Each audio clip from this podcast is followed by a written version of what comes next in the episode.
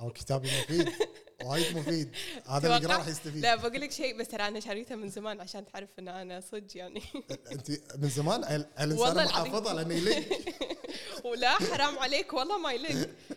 آه، المهم أبو يوسف يعني صدمة اليوم إنك أنت ويانا اليوم لأن أنا مثل ما قلت شاري كتابك من فترة. ما شاء الله. ف يعني إذا يعني أنا بديت هالرحلة ما أدري منو ما أتوقع يعني ما ما ما كنت دارسة الناس اللي راح تجي أو راح أشوفها اليوم.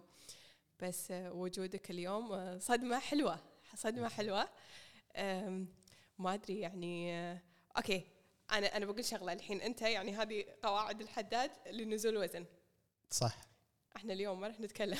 لا لا، عن عن وزن ولا رياضة ولا صحة ولا فأنا بقول لك اليوم وأنت هذه البودكاستات اللي أنت مسويها من قبل كلها تتكلم عن هالأمور هذه صح ولا لا؟ وايد أنا أحس راح يكون بودكاست مميز إيه. لأنه فعلا بالنسبة لي أنا شخصيا كسر روتين ما سويته من قبل. يعني إنك تتكلم عن خلينا نقول الأمور الحياتية الشغلات اللي تفيد المجتمع بس من زاوية ثانية. ومثل ما اتفقنا وياك حنان من قبل إنه ما نبي أصلا يعني خلينا نقول الشغلات اللي توحي بالصح يعني حتى قلت لك تقولي لي أبو يوسف ناديني بكل أريحية. فحتى الاسم تغير حتى كل شيء تغير. فالبودكاست هذا أنا أعتبره صراحة تغيير حتى بالنسبة لي. الساعة المباركة. وايد متفائل فيه. الساعة المباركة تشرفنا أصلا. أنا اشتطاطي من أول ما مليون. تكلمنا مع بعض. لا لأن بقول لك شيء يعني أحس كسرنا يعني حسيت ما بروحك بالفترة الأخيرة كان متوجه أكثر صار التكرار عن مثلا أه، تجارب فقد أو تجارب تتعلق بمرض وأكيد مو قاعدة أستهين أنا بهالشيء يعني. ودروس عظيمة اللي, اللي نتعلمها من الأشخاص اللي يشاركنا تجاربهم. بس هم ودي أقول إن ما أنت بروحك مو بس عن هالشيء يعني إحنا نرحب بأي نقاش عميق وصريح ويتكلم عن أي تجربة ممكن شخص يمر فيها.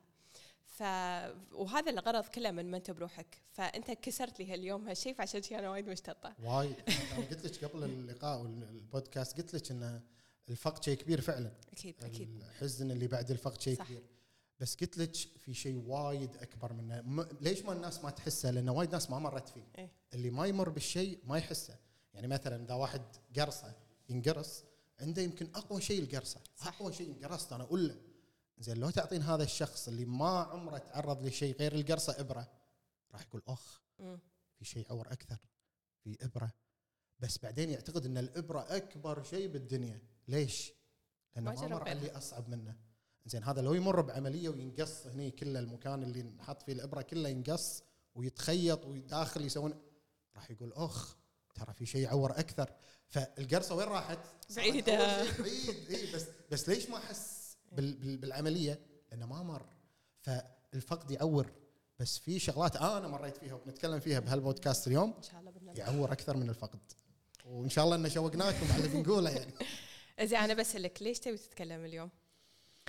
والله أبي مختلف. أبي أفيد الناس أنا شخصيا يعني مريت أنا مريت بظروف صعبة آه، مريت بظروف يعني كنت أنام بالليل ما أدري أقوم ولا لا من كثر ما أنا تعبان نفسيا يعني هل هذا آخر يوم بحياتي ولا مو آخر يوم بحياتي و... وتخيل إن هذا قاعد يصير وأنا يعني الناس قاعد تنظر لك انه أخ هذا المشهور وهذا اللي عنده وعنده وعنده ويروح وي ويسافر ويرجع و... وحياته الوردية اللي قاعد تشوفها. بس بس أنا ما أقدر أوريك كل الجوانب. في جوانب يعني مو ما المفروض إن الناس تطالعها. يمكن لأن ما له داعي الناس تضيق خلقه. يعني قلت إن أنا ضايق خلقي بموضوع معين ما يخص الناس. أبي أستمر أعطي الناس معلومات. أبي أستمر أفيد الناس. أبي أستمر إن الناس اللي تشوفني تستفيد مني. معلومات نزول وزن صحة عامة اللي ما راح نتكلم عنها اليوم طبعا.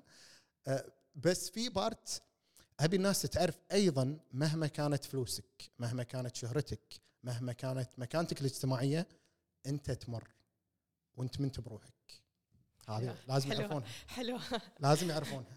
زين قبل لا نبدي أنا قايلت لك إنه خلينا نقول المخاوف عشان نفتك منهم عشان ندش بالحلقة ونسردها على راحتنا. انطب رواق عرفت؟ عشان يعني نقطة بحر على قولتهم. فشنو مخاوفك من هالحلقة؟ أنا قلت أنا أبي الناس يعني بهالحلقة لأن بنتكلم عن موضوع مختلف فأبي الناس أول شيء ما تصير judgemental يعني ما تقيمنا إنه إيش قصده إيش قال شنو بيبين لأن والله العظيم أنا لو كذي كان بينت من, من السناب والإنستغرام وبالتيك توك لو ببين شيء شيء يعني غير اللي بقوله. فالهدف من هذه الحلقة اليوم الهدف من هذا البودكاست إن نبي نفيد الناس اللي مروا بشيء مثلي أو مشابه لي إنه يطلعون وشلون أنا طلعت وشلون مريت وشنو اللي مريت فيه.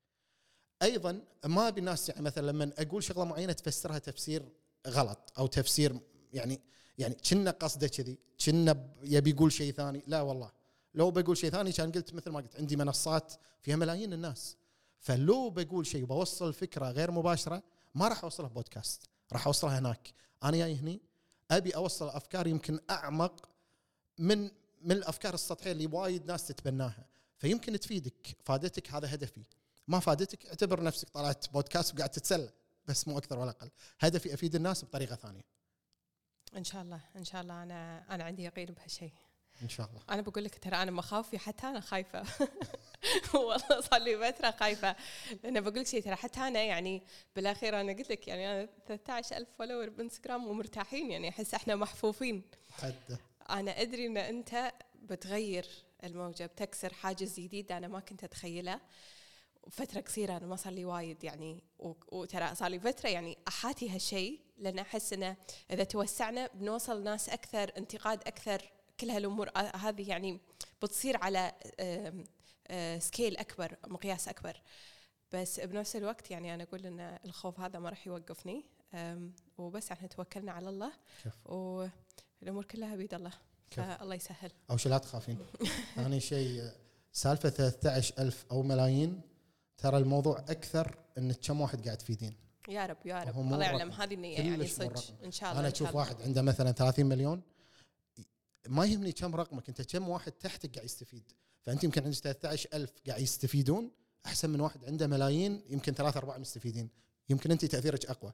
فمو الرقم هو التاثير أنا ترى حتى الرقم ما اتخيل إنهم ناس صجيين ما أقدر أستوعب. أنت وايد خايف. أنا بقول لك شيء أنا قلت لك إحنا بودكاست العفوية والصراحه صح صح. فأنا قاعد أقول لك اللي بقلبي ويعني لا لا كذي أنا أنا ترى أعتقد إن your follower صجين لا لا وما حد. متابعك إلا مهتم حيل يعني حق الموضوع. ف they're real they're real أوكي. أه نبدي ندش بال- بالقصة. أه أول شيء أنا أبي أعرف عن نشأتك وال background مالك فاخذني من الطفوله خلينا نقول. حلو. خل أقول لك أول شيء قصة قبل هذه ودش الشغلة. يلا يلا تو- توكل على الله. يوما ما كنت بالطيارة. هذه أول سفرة لي كمشهور. أول سفرة. تعرفين اللي مسافرين على business والسفرة والفندق والسكن كله على حساب الشركة اللي موديتني. مو موديتني أنا بروحي أنا مشاهير. فأول ما ركبنا الطيارة طارت الطيارة يمكن عشر دقائق ربع ساعة تخيل الطيارة كلها مشاهير وأنا يعني اللي بيني قايل اللي يمي هني واحدة مشهورة مشهورة حيل يعني يعني لا مشهورة حيل كل كل الوطن العربي يمكن يعرفها. تملك سيارات تملك بيوت تملك تملك تملك الله يزيدها من خير. فأول ما طارت الطيارة بعشر دقائق أو ربع ساعة تقريبا انهارت بكي انهارت. الحين أنا اللي مصدوم لأن أنا أقرب أقرب واحد يمها يعني أقرب بيننا بس قلت لك الممر. شلون هذه وتتخيلي طبعا هالموضوع بداية شهرتي أنا توي في بداياتي بداية الشهرة يعني أول سفرة أول طيارة قلت لك أول طيارة على حساب شركة أول مر فأنا أصلا كنت مستأنس وزعلت يعني رايح بكل حماس. إيش في هذه قاعد تبكي؟ قلت بقلبي أنا لو أملك اللي تملكه مستحيل أكو شيء يهزني. مستحيل. اللي تملكه هذه أنا أملكه؟ والله لو الدنيا كلها تنقلب شي فوق ما راح ما راح يحركني شيء عندي ملايين بيكون ومريش. سبحان الله طبعا جات واحدة ثانية مشهورة. أنا قلت لك الطياره ترى كلها مشاهير. هاي طيارة مشاهير نسميها. جات واحدة ثانية مشهورة من ورا قالت لها إيش فيك؟ شنو؟ وقالت لها القصة. بينهم قصة. صار شيء شي وأنا وما شلون و... وقاعد دم يعني بكي البكي الصجي ففهمت إن أنت يمكن توصل توصل توصل ويصير عندك ملايين وتنهار. يمكن من هاليوم فهمت كذي مع انه قلت إنه مستحيل. أنا إذا وصلت هالمرحلة إني أطيح أو شيء يزعلني أو يكدر خاطري. مرت السنين ضافت سنين وايد صرت مثلها. صدق والله؟ المهم أقول لك شنو الموضوع. بس خلينا نبدأ الحين نرجع على سؤالك. نشأتي. شلون نشأت أنا؟ أنا نشأت ببيت أقل من العادي، يعني حتى مو بيت عادي، يعني عشان تتخيلينه تعرفين البيوت الكويتية القديمة اللي أصلا باب مفتوح. الكل يدش يطلع وما يدشون إلا الناس اللي معروفة. تدش البيت إحنا بيتنا كان البيت الكويتي القديم. أنا مو جاي من أسرة غنية.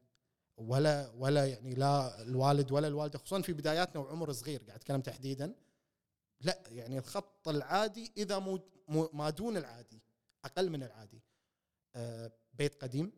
أنا كنت ساكن طول عمري تقريبا لي يعني مراحل قريبة. بيت قديم. آه، بيت بابه مفتوح. دائما مفتوح. عرفتي اللي رحب بالكل وما حد يدش ماكو أحد غريب يدش. الكل يدش يطلع عادي مثل بيت الحمولة بيت البيت العود. يمكن وايد يعني يمكن من المتابعين أو من اللي يشاهدونا الحين مار عليهم هال style من البيوت. اللي بابه كله مفتوح يدش ولد العم يطلع العم يدخل. يدشون يطلعون عادي. أه وكنت مرتاح بالعكس أصلا أنا أشوف كذي أصلا أنا كنت إذا أشوف إذا بيت مقفول أنا بتخلى مثلا بيت ولد عمي بيت عم مقفول ليش متعبين نفسهم؟ ليش حاط بابا ندش عادي يعني شنو بيصير؟ فكان هذا بيتنا وهذه نشأتي في بيت مثل هذا أه نشأت بعائله ناكل على الأرض أه عرفتي نقعد شي نتربع وقنشة وبالإيد. وهذا الوضع الطبيعي يعني بساطة وايد بساطة أه يمكن حتى أبسط من الوضع الطبيعي فانت متخيل لما الكل يدش ويطلع؟ مو الكل نيته تكون زينة. ووايد يمكن يطالعون كل شيء. هذه راح ندش لها بمرحلة ثانية بس ابيش تفهمين لما البيت يكون كذي وقبل ترى أنا لما أقول لك قبل قبل ترى ما كاميرات. أساسا ما كاميرات. يعني الجيل الحالي يعني يمكن مولودين إنه في كاميرا بالبيت أو لازم في كاميرا أو حتى إذا بيت ما في كاميرا ليش؟ أنا مولود بجيل أنا بالثمانينات. فأنا كان في عصر أنا عاصرته. إنه ماكو كاميرات. هو مو مو سالفة تبين ولا ما تبين هو ماكو كاميرات. بس في تقفل باب بيتك ولا ما تقفل. إحنا ما نقفل. إنزين. بعد هذه المرحلة يعني إنسان يكبر بالعمر وصلت مرحلة الجامعة. يعني أنا بختصر لك الموضوع عشان لا نطول السالفة. دشيت الجامعة. أثناء الجامعة الموضوع مستمر كما هو. نفس ما هو نفس البيت نفس يمكن النقطة اللي كان لازم اني أذكرها إني أنا وحيد أمي وأبوي. يعني ما عندي إخوان ولا اخوات بروحي عايش طول عمري بروحي. فلما سافرت الجامعة طبعا أمي وأبوي يطمنون علي يطمن عليهم كل كم يعني السنة أو أقل أرجع أطمن عليهم. والوضع طيب. دراستك أظن كانت بامريكا بامريكا أوهايو state كولومبوس.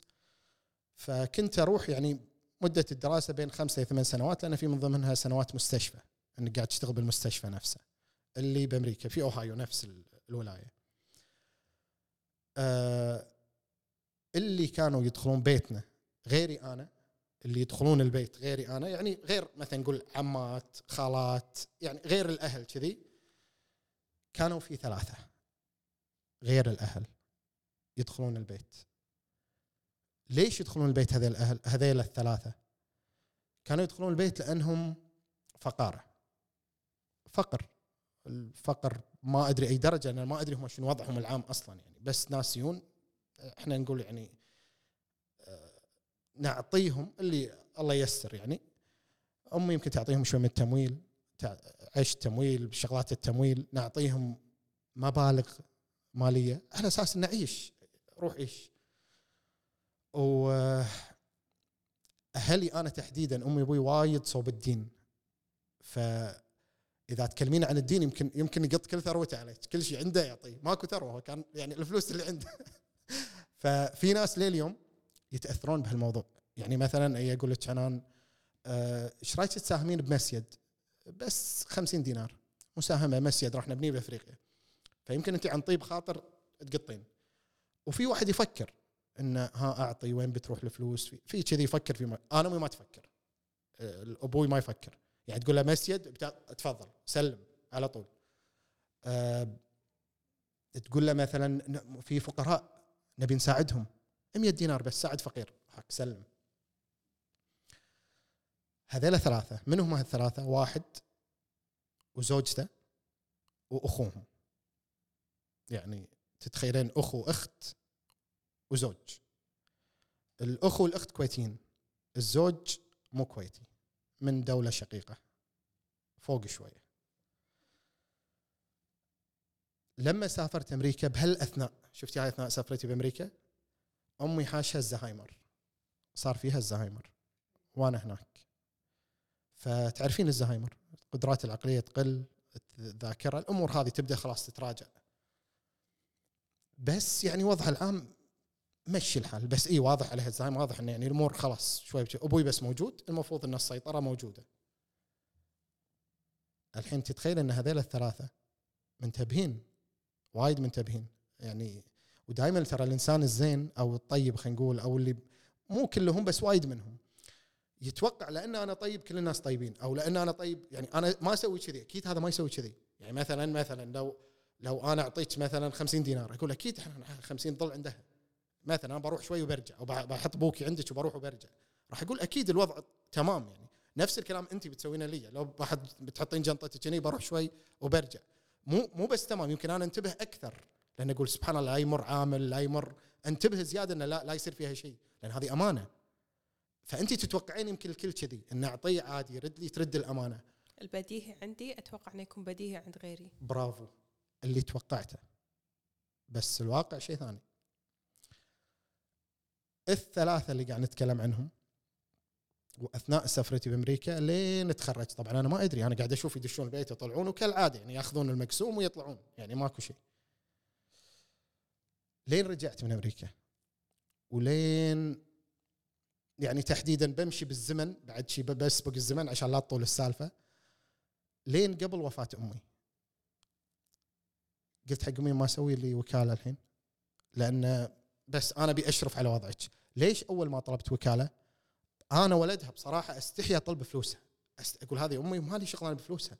أنا المسؤول عنها أنا اللي مسؤول عن كل شيء بالبيت يعني. وكوني وحيدها مسؤولية أكبر. حتى بالمستشفى قاعد جابل بروحك. ستة أشهر نايم على أرضية مستشفى. فتعبان يعني كنت تعبان بس. وصلت مرحلة الحين لازم أشرف عليك. لازم أشرف عليك. وكوني وحيدك ماكو خلاص يعني ماكو غيري. قالت لي okay خذيت الوكالة. والله يعني انت متخيلة طول سنوات عمري ما سألت عن ولا شيء. فلوس ما لأن بالعربي أستحي أسأل. أستحي, أستحي أسأل منه أمي. إنه كم عندك ما بالبنك شنو حسابك؟ شنو الدنيا؟ لما سويت لي وكالة خذيت الوكالة قلت الحين بشوف. أنا ببطل حساب امي بشوف المفروض المفروض المتوقع إن خلال 15 سنة هذه من الزهايمر الفترة هذه ما جاست فلوسها. المفروض يعني لأن مو قاعد تروح مكان. اللهم أنا الوحيد اللي قاعد اطلعها واردها قاعد اتمشى بس. اطلعها عشان تغير جو وترجع. بطلت حسابها بالبنك صفر. دينار. و15 سنة مو جايسة فلوسها. صفر دينار. أنا هذا ما أبي تعرضينه بس ابيك تشوفينه. مسكي حنان شوفي الصعوبات 500 لمدة 15 سنة. طبعا هذا جزء. أبيك تنصدمين شوية. لأن هذا اللي أول شيء أنا شفته عقب ما بطلت. منو هالصعوبات الثلاثة اللي قلت لك عنها 15 سنة. المبالغ فوق المليون. شلون؟ ATM card مكتوب على الرقم السري. ياخذونه. تحط. أول ما ينزل معاش المعاش كامل. الشهر اللي بعده. الشهر اللي بعده الشهر اللي بعده. والمدة 15 سنة. المبلغ فوق المليون. أنا ما أبي أصرح بالمبلغ أنه وايد فوق. الحين آه، الصدمة الصدمات يعني الحين تدش بصدمات مو صدمة واحدة. إن هذيل آسف الحين شوي بيغير بتغير بالكلام هذيل القذرين. الناس القذره هذه إحنا كنا قاعد نساعدهم. الناس القذره هذا كانت تدش بيتنا. يعني أحس بخاطري ان كنا قاعد نساعدهم. وهذا ترى يعني يعني غير الصعوبة أنا كنت ما أدري تحس بحساب واحد ما يدري. يقولوا لي مثلا تقدر تقط علينا شوية عشان نسوي لكم غدا؟ وأنا قلت بعد مساعدة فوقها يعني بقط مبلغ قاعد أدفعهم مبلغ حق ثلاث أشخاص عادي 100 دينار. وما ترد. هذا قاعد ياخذون كل الفلوس. يعني ماخذين كل الفلوس زائد أي شيء يطلع منك. يمكن بداية اكتشافي للموضوع قبل لا أروح النيابة وأعرف منو هذيلا والتفاصيل أنا شك يعني كنت عارف يعني ماكو غيرهم اللي يعني ما كنت أدري إن لهالدرجة وسخين بس كنت حاس يعني قلبي حاس انهم مو نظاف. مو لهالدرجة وسخين بس مو شلون؟ بلشت عرفت الموضوع. وأنا ويمي بالمستشفى إحنا بيتنا هذا القديم اللي قلت لك عنه كان مأجر. في أجار متأجر. أنا أنا الحين يعني وضع مع أمك تعبانة حيل بالمستشفى فما أفكر لا بالبيت ولا بالفلوس ولا شي الدنيا. بعدين اكتشفت إنه صار لي كم شهر الحين الايجار وينه؟ شنو صار علي؟ وصلت مرحلة الخدامة قاعد تستلم. آه ماكو أحد بالبيت. يعني ماكو أحد. أبوي توفى أمي وحيدة وأنا بالمستشفى. الوالد توفى خلال قبل. الفترة؟ إي قبل الوالدة. الله يرحمهم ويغفر لهم. رحت حق الخادمة قلت لها أنت قاعد تسلمين الايجار؟ قالت إي. كان أقول لها وينه؟ قاعد أسلمه حق هذيلا قالوا إحنا قاعد نوصل لك. فهني حسيت قبل لا حتى أشوف الدنيا بعدها رحت النيابة طلعوا لي الصور. ما يعني ما ما, ما هني ما استغربت يعني أنا عندي تفكير مسبق. النيابة هذا توكيل منو هذيلا؟ هذه صورة الأول الثاني الثالث. هي أخوها وزوجها الثلاثة هذيلا. طبعا أنا أول شيء رفعت قضية هاي خالصين منها يعني موضوع القضية. وبعدين حطيت بسناب وإنستغرام تكلمت بالموضوع. يعني بداية الموضوع تكلمت بعدين الصراحة النيابة قالوا لا تتكلم وايد بالموضوع خلينا نخلص تحقيقاتنا. بس هذا الحكي كان متى؟ الحين موضوع النيابة لليوم شغال. لليوم يعني قاعد يشتغل لليوم. بس بلشنا يعني خمس ست سنين قبل. متى الموضوع 15 سنة. أنا اللي كنت غافل. شنو اللي عورني؟ عورني الاستغفال. عورني إن هذول فقارة قاعد يطرون قاموا يبوقون. عورني إن هذول حاطين عيونهم علينا. واللي يعور أكثر شيء لما واحد يعور عزيز عليك. مو لما يعورك ترى. يعني أنا لو بايقين مني أنا ما أتعور كذي. أنا أنا لو يبقون مني ما أتعور. لأن باقوا مني وفلوسي يعني تعور أي بوقه تعور. بس لما يبقون أمك تعور أكثر. ولما يبقون أمك اللي فيها زهايمر تعور أكثر وأكثر. وبعدين الموضوع ما قاعد أنا صراحة ترى أنا دائما أقص الحق من نفسي. يعني لو أشوف أمي فيها شيء غلط راح أقول يما ما يخالف بس ترى في شيء غلط كذا كذا كذا أبوي في شيء غلط كذا. أتفاهم مع الشخص اللي قبالي وأقص الحق من نفسي. السالفه اللي صارت لو مو أمي هذه لو مو أمي لو واحدة من برا أشوفها قاعد تنباق لأن فيها زهايمر لأن ما تدري يعني إيش قاعد يصير حولها راح أنكسر. يعني مو لأن أمي مو مو بيكوز يور ماذر لا أنا قاعد أشوف موضوع إنساني. أنتم شلون كذي ناس قذرة شي تتعاملون مع واحد مريض تستغلونه وبهالطريقة الوسخة؟ قاعد تستغلونه بطريقة وسخة جدا جدا جدا. واستغلال بشع. و15 سنة تعورت أنا أعترف تعورت. تضايقت تعورت. الموت هني أرجع حق الموضوع اللي تكلمت عنه معك أول شيء. الموت ترى صفة يعني لما تمرين بالأصعب راح تشوفين الموت صفة عادية. يعني كلنا بنموت. والموت شيء طبيعي. يعني وين بنروح؟ يعني شنو المصير أي إنسان؟ إنه يموت. الموت شيء طبيعي. الإنسان والحيوانات يموتون الكل يموت. يعني كل الدنيا وين رايحة؟ إلى الموت. فشنو معناته؟ معناته إن الموت شيء طبيعي ناتشرال تعرف كلنا نمر فيه. نمر في ناس صعب نعم. يعني الفقد صعب نعم. بس أنا مريت بالأصعب. مو معناته الفقد سهل. أنا مريت انه إنسان قبال عيني أحبه قاعد يموت مظلوم بسبب زهايمر قاعد تنوخذ فلوسه كلها. ما ظل عنده ولا بيزة بالبنك. أصعب من الموت. الموت طبيعي. كلنا أنا خلينا أموت عادي. بس ما ابي أشوف أحد ينظلم بطريقة بشعة. ما ابي أشوف أحد يستغل بطريقة بشعة. ولما صراحة لما تكلمت لا لما تكلمت يعني حطيت أول شيء رحت النيابة وصورت بالنيابة. شي يا جماعة ترى اليوم برفع قضايا قلت خصوصا كان من حرة قلبي صورت كل شيء. يعني حتى لي وكيل النيابة قاعد أصور داش بالكاميرا. وايد فزعوا لي ناس من الكويت بارك الله فيهم يعني. والله أهلنا وصج وقتها يعني كان وايد كلموني قيادات كبيرة بالدولة وقالوا لي تعال نبي نجتمع معك سواء بمكتبهم أو في أماكن ثانية ما أماكن خاصة. قالوا إيش تبي؟ إيش تأمر على الحداد تبي نطشرهم لك؟ تبي تشوف شيء عمرك ما شفته بحد قبالك؟ قلت لهم بصراحة بالقانون ما أبي اللي أنتم بت... يعني كانوا ناويين يسوون شيء بعدين يمكن صدق ترى من الحرة تقول يعني كان سويت الصراحه يعني تي ساعات تفكر إنه اي كان كان مشيت بهالطريق. يعني قالوا لي أفكار والله يمكن ما أقدر أقولها بهالبودكاست يعني بيطشرونهم. نقدر نقدر وأعرف شنو يعني أعرف شنو قدراتهم أعرف شنو سلطتهم. الريال يعني أكثر من شخص لمكانه وايد كبيرة. كانوا يقدرون يطشرونهم كذي. بس قالوا ما تجي صوب القانون. إحنا لنا طرقنا. أنت مالك شغل بالقانون. والقضية الأفضل بعد خلينا خلينا ناخذ طريقنا. قلت لهم لا أبي القانون. وإن شاء الله إني خذيت الرأي الأفضل يعني إن مشيت بالقانون. صراحة القانون يطول مو حقي بالذات حق الكل. يعني أنا ما توقعت إن قضية بتاخذ وبتاخذ. وعلى فكرة كل ما يمكن هذا التجار يعرفونها أكثر. كل ما زادت الفلوس بالقضية تطول أكثر. تعال خلينا نتحقق ونشوف وكم سنة وهذه من. فتقوم تطول أكثر. فطولت وايد طولت. اللي فكرت بمناحي ثانية. انه قالوا لي ها أروح لهم أفكر أروح لهم أطشرهم بطريقه ثانية. بس يبقى الموضوع انه كلنا ثقة بقضاء بقضائنا إحنا كلنا ثقة بدولتنا. فإن شاء الله الحق بياخذ مجرى اجلا أم عاجلا أم اجلا. تعورت إي. تضايقت إي. وحسيت يعني ترى هذه النقطة فتحت عيني حق وايد شغلات بالدنيا. يعني يمكن فيها شر وفيها خير. فتحت عيني خلتني أنتبه خلتني مو كل واحد اثق فيه. خلتني بالعكس. يعني أول ترى ثقتي مليون بالكل. لين يثبت العكس. الحين العكس. أنا ما أثق فيك لين تثبت لي إن أنت أهل الثقه غير شي ما أثق فيك. لو منو ما كنت. وفي ناس عبالهم والله الأقارب زين والأهل. لا لا لا. ولا الأهل ولا لا. إذا كل واحد بيقول أهلي زينين ترى ما يطلع ولا واحد شين بالدنيا كلها. إذا كل واحد يقول أنا أهلي زينين. أهلك في منهم الزينين وفي منهم الشينين كلنا including me كل العالم. ويعني الأهل دائما يقول مثلا أهلك واهلك ما أنا قاعد أشوف كل أهل كل إنسان بالدنيا في الزين والشين. فاللي بوصل له لما رحت النيابة ولما قدمت تحقيقات وهي جارية تحقيقات آه طبعا ذيلاك أنا أستغرب أكثر من ردود الأفعال. يعني ردود الأفعال غير منطقية. شنو يسوون الحين قاموا؟ يدقدقون على أهلي.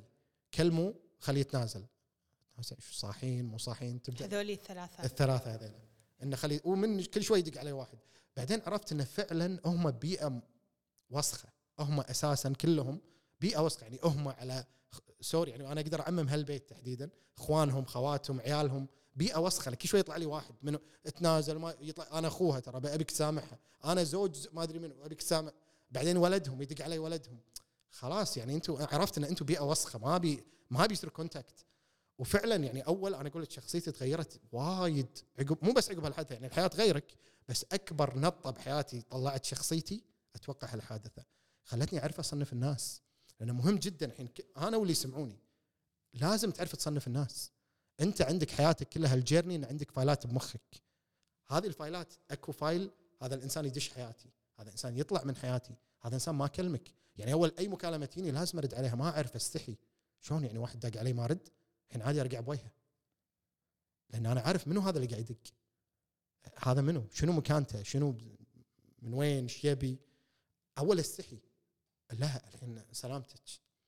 أول إذا حد دق آه، أو دز message مثلا لازم أرد عليه. الحين حسب منو أنت؟ شنو تبي؟ شنو ال message مالك؟ شنو فحوى؟ عادي أرد عادي ما أرد عادي ينصك block. مستحيل أسويها قبل. الناس اللي بحياتي أول كل واحد يبي يدش حياه الله يعني شو بعد دش حياتي خلاص حياه الله. الحين لا لا أنت تتصنف. تدش ولا ما تدش؟ أنت تستحق تدش حياتي راح تدش. أنت نص ونص شوف نص ونص. لا ما بيك. شو أسوي فيه بالنص لا تطلع. أنت ممتاز لا أنت تدش وتظل داخل حياتي. ولما تصنفين الناس ولما يصير عندك فايل مثل ما قلت لك إن هذا زين يدخل هذا يطلع. الطلعه ترى هو ماكو واحد يطلع لأنه بيطلع. أنت تطلعينه حنان. انت تطلعينه. انت ما المفروض تكون بحياتي. انت وجودك يا اما مو قاعد يسوي شيء وما أبي أنا واحد ما أنا أبي واحد يضيف لي ما أبي واحد ما يسوي شيء لأن قاعد اضيع وقتي. انت إذا مو قاعد تسوي شيء قاعد تضيع وقتي. أو قاعد يعني قاعد تضيع وقتي رسمي إنك قاعد تسولف معي بشيء مو مفيد أو شغلة بالنسبة لي تافهة. أنت عندك كبيرة يمكن. لما صنفت الناس شنو صار؟ طلعت وايد ناس من حياتي طلعت أغلب اللي كانوا داخل. ودخلت ناس مو أنا دخلتهم الامانه الحياة تدخلهم لك. أنت إذا إذا صار عندك فراغ يدشون الناس الصح. وإذا طلعت الناس الغلط automatically يدشون الناس الصح. فقمت شفت automatically مثل ما أنت تقولين مساء تقول أنا سبحان الله تستاهل من الله قاعد فعلا. هذا اللي قلتيه أنا قاعد أحسه كل يوم. يعني أنا ما توقعت يوم من الأيام بجتمع بمدير أكبر مدير بإيكيا. وبنسوي شراكة مع بعض. أنا ويني أنا وين إيكيا؟ بعاد إحنا عن بعض. يوما ما صار هالشيء. ما توقعت يوما ما شركة عالمية أنا ما يخالف الحين مقاطعه بس أنا أتكلم عن قبل المقاطعة. شركه مثل بيتزا هات بالعالم العالم كله معروفة تسوي بيتزا اسمها بيتزا الحداد واجتماع مع الإدارة. جربتها كليتها. بالعافية. والله حلو صحية وايد أصح من العادي أقل دهن. فما توقعت أنا يوم اني بجتمع بإدارة بيتزا هات أو بقعد مع المدير العام. وبيسوي بيتزا باسمي يعني مو إنه قاعد أسوالف بيتزا على مستوى الخليج باسمك. نفس الكلام على ايكا نفس الكلام على وكالات سيارات. نفس فاكتشفت إن هذه العقلية اللي أساسا من قبل تناسبني. ليش ما دشوا؟ لأن كان في ناس غلط. قاعد تقعد معاهم. قاعد تضيع وقتك معاهم. شوف أنا بقول لك هذه يعني ت- وأنا وأمي عندنا هالنقاشات الله يحفظها. آه، عندها وأنا أحس هذا بالجيل الأكبر. عندهم يعني كلها تقول لي بس حنان لا تقطعين لا تقطعين. يعني حتى لو آه، شخص ضايقك شخص ما تتلاقى معاه مثل أول مو نفس الأفكار مو نفس التصور في آه، في يعني وحتى أنا أحس عندي هذا ال ال إني يعني خلاص يصير ال letting go جدا صعب عندي. وأحس انه أخذه من لأن مرة ثانية الجيل الأكبر منا غرس فينا هالشيء إنه لا لا لا تقطع لا تقطع القط- مو زينة. فما أدري إيش رأيك بهالشيء ما تحس؟ شوفي ال depends على منو الشخص. هي مو تقطع ماكو أحد يمشي يقطع مني الطريق بالنهايه بالنتيجة إحنا مو ميانين. ماكو أحد يوم interview باكر. منو أنت؟ لا من حتى أنت؟ أنا قاعد أتكلم عن حتى. خليني أقول لك أنا. أه لما تصنفين الناس قلت لك حط كل واحد file مثل هذا file كذي هذا يمثل مثلا حنان. حنان شنو دورها معي؟ مثلا حنان صديقة زميلة معي كذا كذا كذا. وإنسانة محترمة ما شفت منها لك الخير ومثل ما إذا تذكرين نقاشنا قبل كان قبل البودكاست إذا تذكرين قلت لك إنه في كلام يبين لك وايد شيء عن الإنسان ما قاله. يعني هو يقول كلام معين يقول مثلا 1 2 3 أنت اكتشفين 4 5 6 7 8 9 10 11 أوه اكتشفت وايد من من شوية من شوية صرت وايد. أنا أقول لك يعني مثلا الانسان إذا تشوفينه يسأل أسئلة أنت أنت تحسين ترى قلبك ينغزك.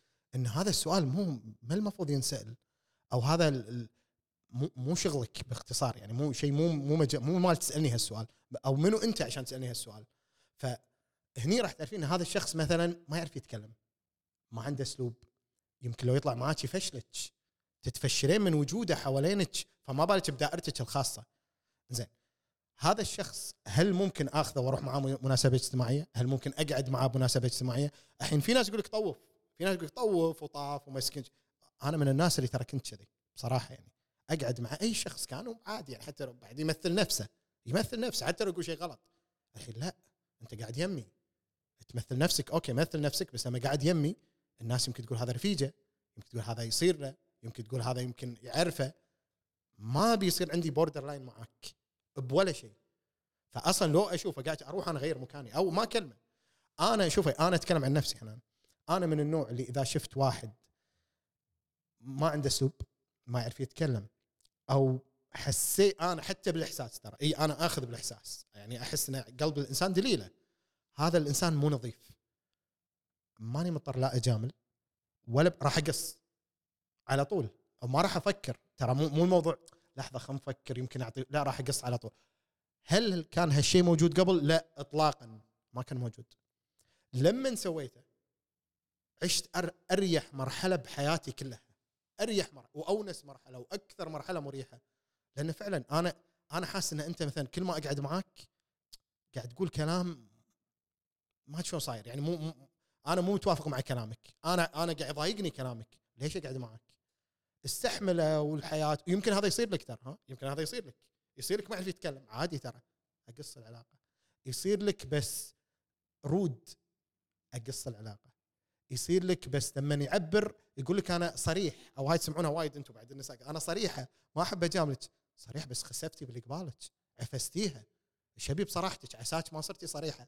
فاللي بوصل هذا الانسان يقص العلاقة معاه؟ أنا أنا لو مكان الشخص المقابل ليش اقص العلاقة معه؟ أنا مو محتاج صراحتك. وإذا محتاج صراحة شخص أنا راح أقول له إيش رأيك بهالموضوع؟ وقول لي بصراحة. هني حتى لو يضايقني أنا اللي طلبت. مو هو أنا بكون صريحه معك مثلا هالشيء مو عاجبني فيك. زين منو طلب رأيك؟ يعني لا. فقمت أقص على طول وأقول لك القص أول كان أوه سنين على ما. ها أقص. خاف يزعل.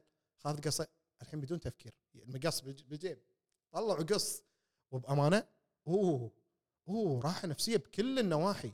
لأن شوف إحنا ترى خصوصا مع حياة الشهرة مع حياة الحياة اللي قاعد تعيشينها كذي كحياة إنسان مشهور. وايد ناس راح يطلبون منك طلبات غريبة. راح تشوفين طلبات غريبة. يعني شلون أنت طلبت مني هالطلب؟ فأنت ما مو وقت إنه لا قص علاقتك فيه. لأن أنت طلبك يدل يمكن على وقاحة. طلبك يدل على قلة ذوق. طلبك يدل على أو حتى مثلا واحد ما يعرف والله أكثر. شوفي أمثلة وايد بس أنا ببدأها من أقل شيء ونصعد. يعني حتى لما يجيك واحد يقول عطني سلف بتسلف منك. بصراحة يعني أول أو شوف قاعد أقول أنا شخصيتي تغيرت بس عشان تفهمين ليش تغيرت. أنا مريت. أوه مريت مريت. لا يعني مريت بوايد أمور راح نتكلم عنها بعد إن شاء الله الكبار يعني الصدمات الكبيرة. بس الحين بتكلم عن الصدمات الصغيرة عشان الأمثلة. السلف مثلا على سبيل المثال اول كنت أقول هي طبيعي إنك تساعد الناس يعني بالعكس صفة زينة وصفة حميدة وصفة فكنت أسلف أي إنسان يبي اسلفه أخذ سلف توكل على الله. بعدين اكتشفت إنه لا اللي تسلفه يعني يعتبر إنه كنا خلاص هذه فلوسي. زين لو تقولي لي هذه ترى الأساس إنه فلوسي أنا مو فلوسك أنت اكتشفت إن أصعب ناس تتعاملين معاهم اللي ما عنده منطق ويا كثرهم إذا واحد ما عنده منطق شلون يعني ما عنده منطق؟ يعني مثلا الحين حنان أعطيني سلف أعطيتيني 100 دينار نفترض 100 دينار سلف. الحين انت تبينهم فلوسك هذه بالنتيجه فلوسك. يلا الحين أبي فلوسي انت حنان تبي فلوسك. حنان انت عندك وايد فلوس. يعني محتاجة 100 دينار؟ مش دعوة صدق محتاجة 100 دينار وايد عندك فلوس زين فلوسي. شلون؟ ما له شغل كم أنا عندي شفتي لما أقول لك لا منطق؟ ندش بلا منطق. زين هل لا منطق يمكن انت تتخيلينه شوية؟ بالواقع اوه وايد وايد وايد راح تمرين بحياتك تشوفين إن هذا الإنسان مو منطقي وهذول أصعب فئة تتعاملين معه طبعا أنا قلت لك سلف ك example بس مليون example غيره. فانت عندك وايد فلوس تبين بالمية. إيش دعوة؟ الحين وقفت على 100 إحنا من زمان أهل ربع ما. أنت شكو؟ وش عليك؟ والنتيجة هي الحقوق حقك ولا مو حقك؟ فاكتشفت إنه وايد ما يستاهلون فوقفت هالباب ترى خلاص وقفته صار يقول اقطع المقص اللي مساء على طول اقطع واكتشفت أيضا ان شفتي هالتصرف اللي اللي يقول لك كذي يدل على شغلات ثانية زين أنت ليش ما اشتغلت على نفسك؟ ليش ما ليش ما أنت تطلع فلوس؟ ليش تطلب؟ ليش تطلب من أي إنسان؟ خليك مشهور ولا غيره. فهذا اللي وصلت أنا اللي وصلت له كذي. زين أنت متخيلة إن أنا خمس سنين مو رايح ولا عرس ولا أي مناسبة اجتماعية. أي مناسبة اجتماعية تتخيلينها. سعيد جدا. حسيت مو جوي مو جوي أقعد مع ناس يعني بالعروس بال...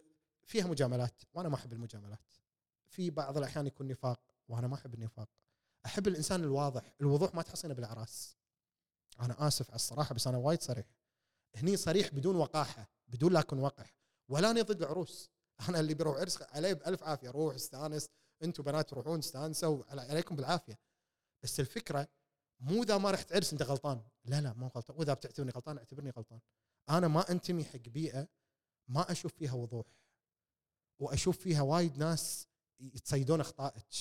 يعني يمكن لو تروحين عرس راح تشوفين تصيدون أخطاء لابسة كبنات يعني قاعد أتكلم. وحتى عندنا كشباب بس كل واحد تصيد بطريقته. إيش لابسة يا كذي يمكن تاخذون العروسة والمعرس وال... وشو لايقين على بعض ولا لا؟ ولجنة تحكيم. أنا مو مو مع هالأجواء. أنا أحب الإنسان يعني أنت أنت مستانس لي أنت أنت مستانس لي تعال. أنت بروحك تعال. عشرة مستانسين تعالوا. الألف مو مستانسين الحين آه لما وصلت مرحلة الشهرة هذا اللي أنا فيها الحين والرجل هذا يملك ويملك ويملك من غير ذكر شنو الممتلكات يعني. بس يملك يعني معروف إن هذا الانسان شنو عنده شنو وضعه شنو وضعه الاجتماعي شنو وضعه العام. تتوقع إن الكل يحبك؟ غلط. لا غلط. مو الكل أنا مو الكل يحبني. مو الكل. في واحد يشوفك واو فيحبك وفي واحد يشوفك واو فيبي ياكلك أنت شلون صرت أحسن مني؟ وهذه تعور وايد ناس. أنت شلون أحسن مني؟ شلون وصلت كذي؟ شلون صار عندك كذي؟ شلون قدرت؟ وأنا ما قدرت. وخصوصا اللي ما قدر. هذا اللي يتعور ترى أكثر.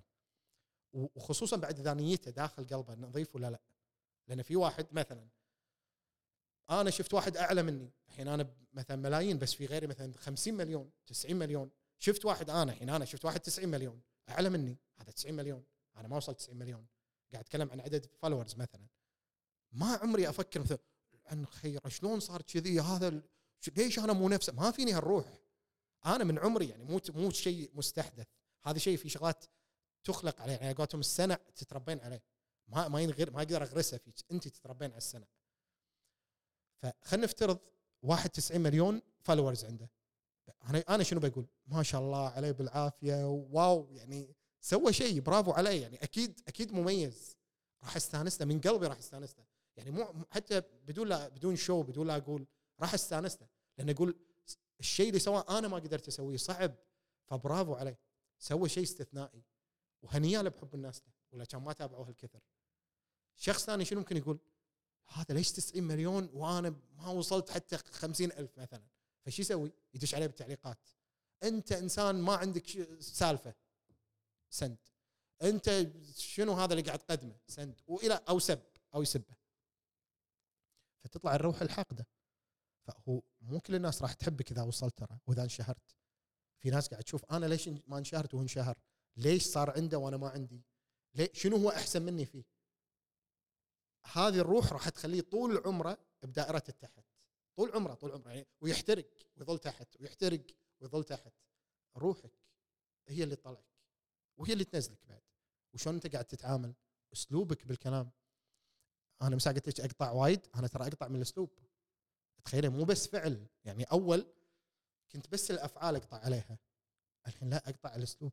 واحد ما يعرف يكلمني بالأسلوب اللي أنا أبي أقطع علاقتي فيه.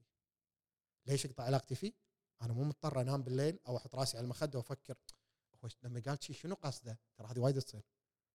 شنو قصده؟ شو ليش؟ أول ترى يعني أنا ما قلت لك أنا وصلت هالمرحلة إلا لأني مريت.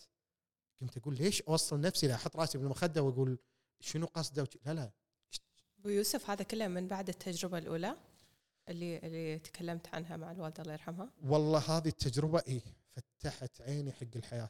كم كان عمرك؟ تقريبا.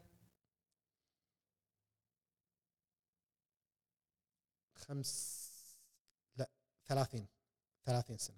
أتوقع لما اكتشفتها بال 30 30 31 يعني هذه الحروه 30 31 هذه مو بس فتحت يعني عرفت الشيء اللي يسوي فلاش لما فتحت قعدت اطالع المحيط وطبعا بديت أصفي. من هاليوم بديت أصفي. وايد تصفوا بهاليوم. بنفس هاليوم وايد تصفوا. بحياتي يعني بصورة عامة. وتخيلي إن هالشيء خلاني ترى على فكرة لما صار هالموضوع يعني هال- هالشيء من متى أنا قلت لك من 15 سنة مبلش. يعني مبلش وأنا أدرس كان ما عندي شيء. ولما اكتشفته كان عندي كل شيء.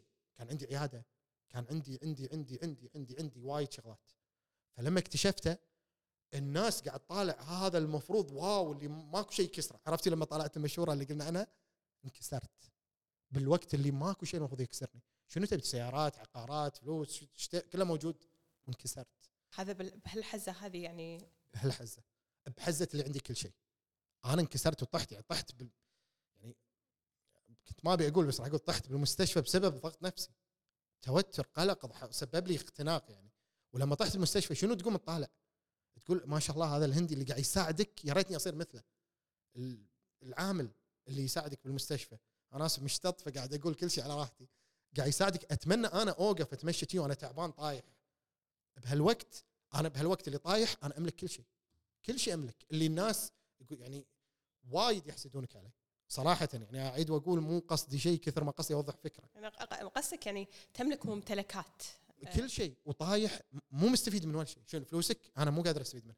ممتلكاتك ما تستفيد منها. سياراتك؟ ما تستفيد منها. ليش؟ لأنك تعبان نفسيا. ما قاعد تتلذذ بولا شيء. يعني كل شيء تتخيلينه كان تحت إيدي. كل شيء تتخيلينه. است- زين. الوضع الطبيعي الوضع الطبيعي. لما أقول لك كل شيء انت تبينه حنان تحت إيدك انك طايره من الفرحة. أنا طايح بالمستشفى. بسبب ضغط نفسي. فمو الفلوس ولا الممتلكات ولا السيارات ولا ولا ولا إذا كنت منهار نفسيا. بسبب أو بآخر يعني يعني أنا اللي مريت فيه يمكن مو كل واحد يمر فيه. أنا يمكن رسالة بوضحها من هذا الموضوع أنا بندش على غيره وغيره ان ديروا بالكم على أهلكم. ديروا بالكم على اللي فيهم زهايمر. ديروا بالكم على اللي فيهم زهايمر. يعني عشان لا تطيحون اللي أنا طحت فيه. يعني لا لا تطيح بغلطة طاح فيها غيرك. ولا تثق بالكل. وخصوصا ليش قلت لك اللي في زهايمر؟ لأنه ايزي كل شيء. سيارته ما يدري عنها. فلوسه ما يدري عنها. ما يدري عن فلوسه. عياله ما يدري عنهم. ما مسكين يعني هو عايش عالم ثاني غير عالمك. يمكن أنا شوي اللي أصعب عن غيري إني وحيد. فماكو أحد يساعدني. يعني أنا اضطريت إني أشيل روحي بروحي. وماكو بالمستشفى اعيد واقول ست أشهر. أنا نايم بروحي بمستشفى على أرض مستشفى يعني على كذي شاريهم مرت... بس شو تسوي؟ هل غيرك يطالعك إنه وصراحة أنا ما أحب نظرة شفقة أو نظرة أنا ما ما رحت حق موضوع إنه لا لا أنا أتخذ إجراء قانوني أسوي الشيء اللي أشوفه صح. يعني على قولتهم تطقين بعصا من حديد. حق الإنسان الغلط تورينا قوتك مو ضعفك. بس من داخلي تأثرت ليش؟ تأثرت كقضية إنسانية.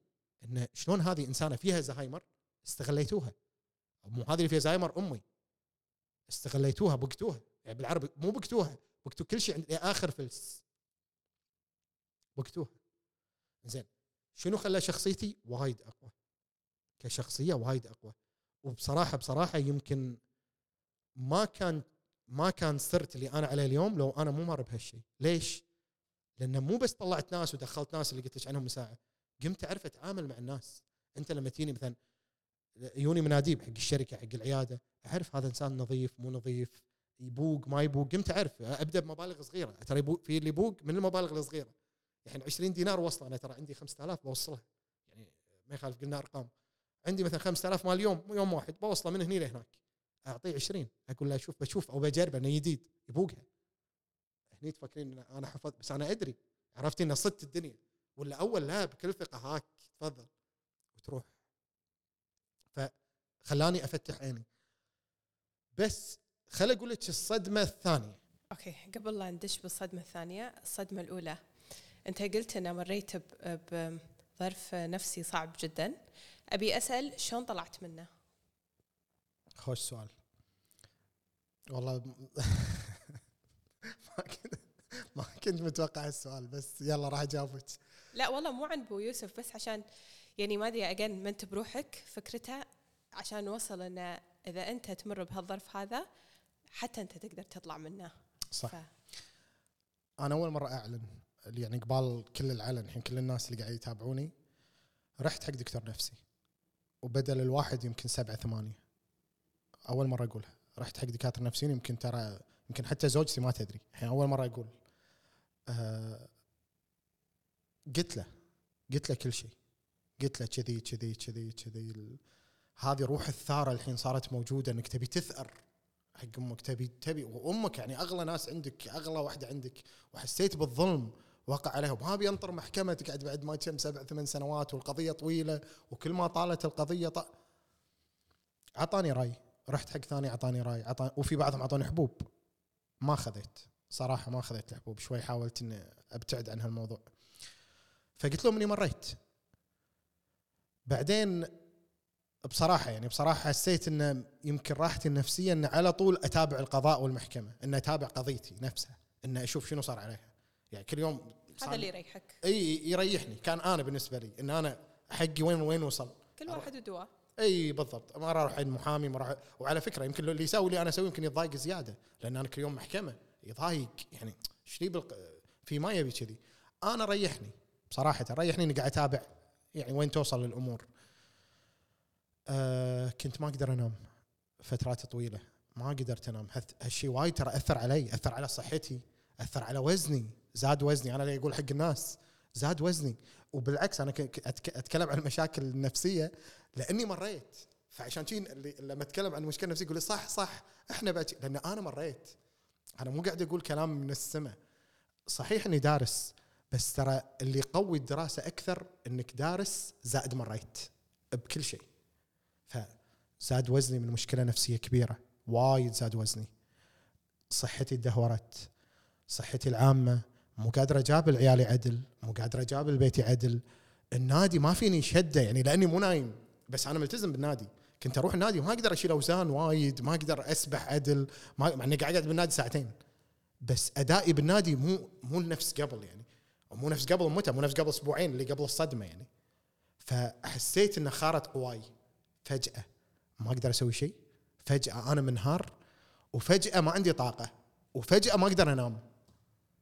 أنا رحت حق الدكتور النفسي قلت له بس أبي أنام. بس. شو أسوي؟ قال لي حبوب. أخذ حبوب. هم ما يبون نتيجة. مثل البومة. مو قادرة. حتى الحبوب مو جايبه نتيجة. رجعت له. قلت له ما الحبوب كلها اللي أعطيتني إياها ونوع لي بالحبوب ولا شيء جاب نتيجة. لأن زين أنت ليش مو قادر تنام؟ لأني متضايق لأن في قهر لأن في ضيقة لأن في شيء حارك محتر من ناس معين. وال- والحره الأكثر إن أنت عندك ناس مستعدين يطشرونهم وأنت مو مستخدم هالسلاح. أستخدمه ما أستخدمه؟ حتى الطبيب النفسي قلت له أستخدمه؟ أنت رأيك أستخدمه راح أرتاح؟ إذا وصلت هالمرحلة راح أرتاح؟ كان يقول لي مو الحين. لا مو الحين. حتى لو بتفكر مو الحين. قلت له شو أسوي؟ لأنه قاعد أشوف بيئة كاملة مو مر علي من قبل. يعني مو مو مر علي بيت كامل هو والأهل والعيال وكله وسخين. مو مر علي يعني مر علي واحد وسخ الكل يهاجمه بالعائلة. إن هذا ديروا بالكم منه. بس مو مر علي البيت كله وسخ كله البيئة قذره هذا اللي مو مارين علي. وقاعد يحاولون يسوون contact معاي. يعني متخيلة؟ انه بطريقة خلينا إنت منو؟ كنت انت شايفين منو أنتم فاللي وصلت له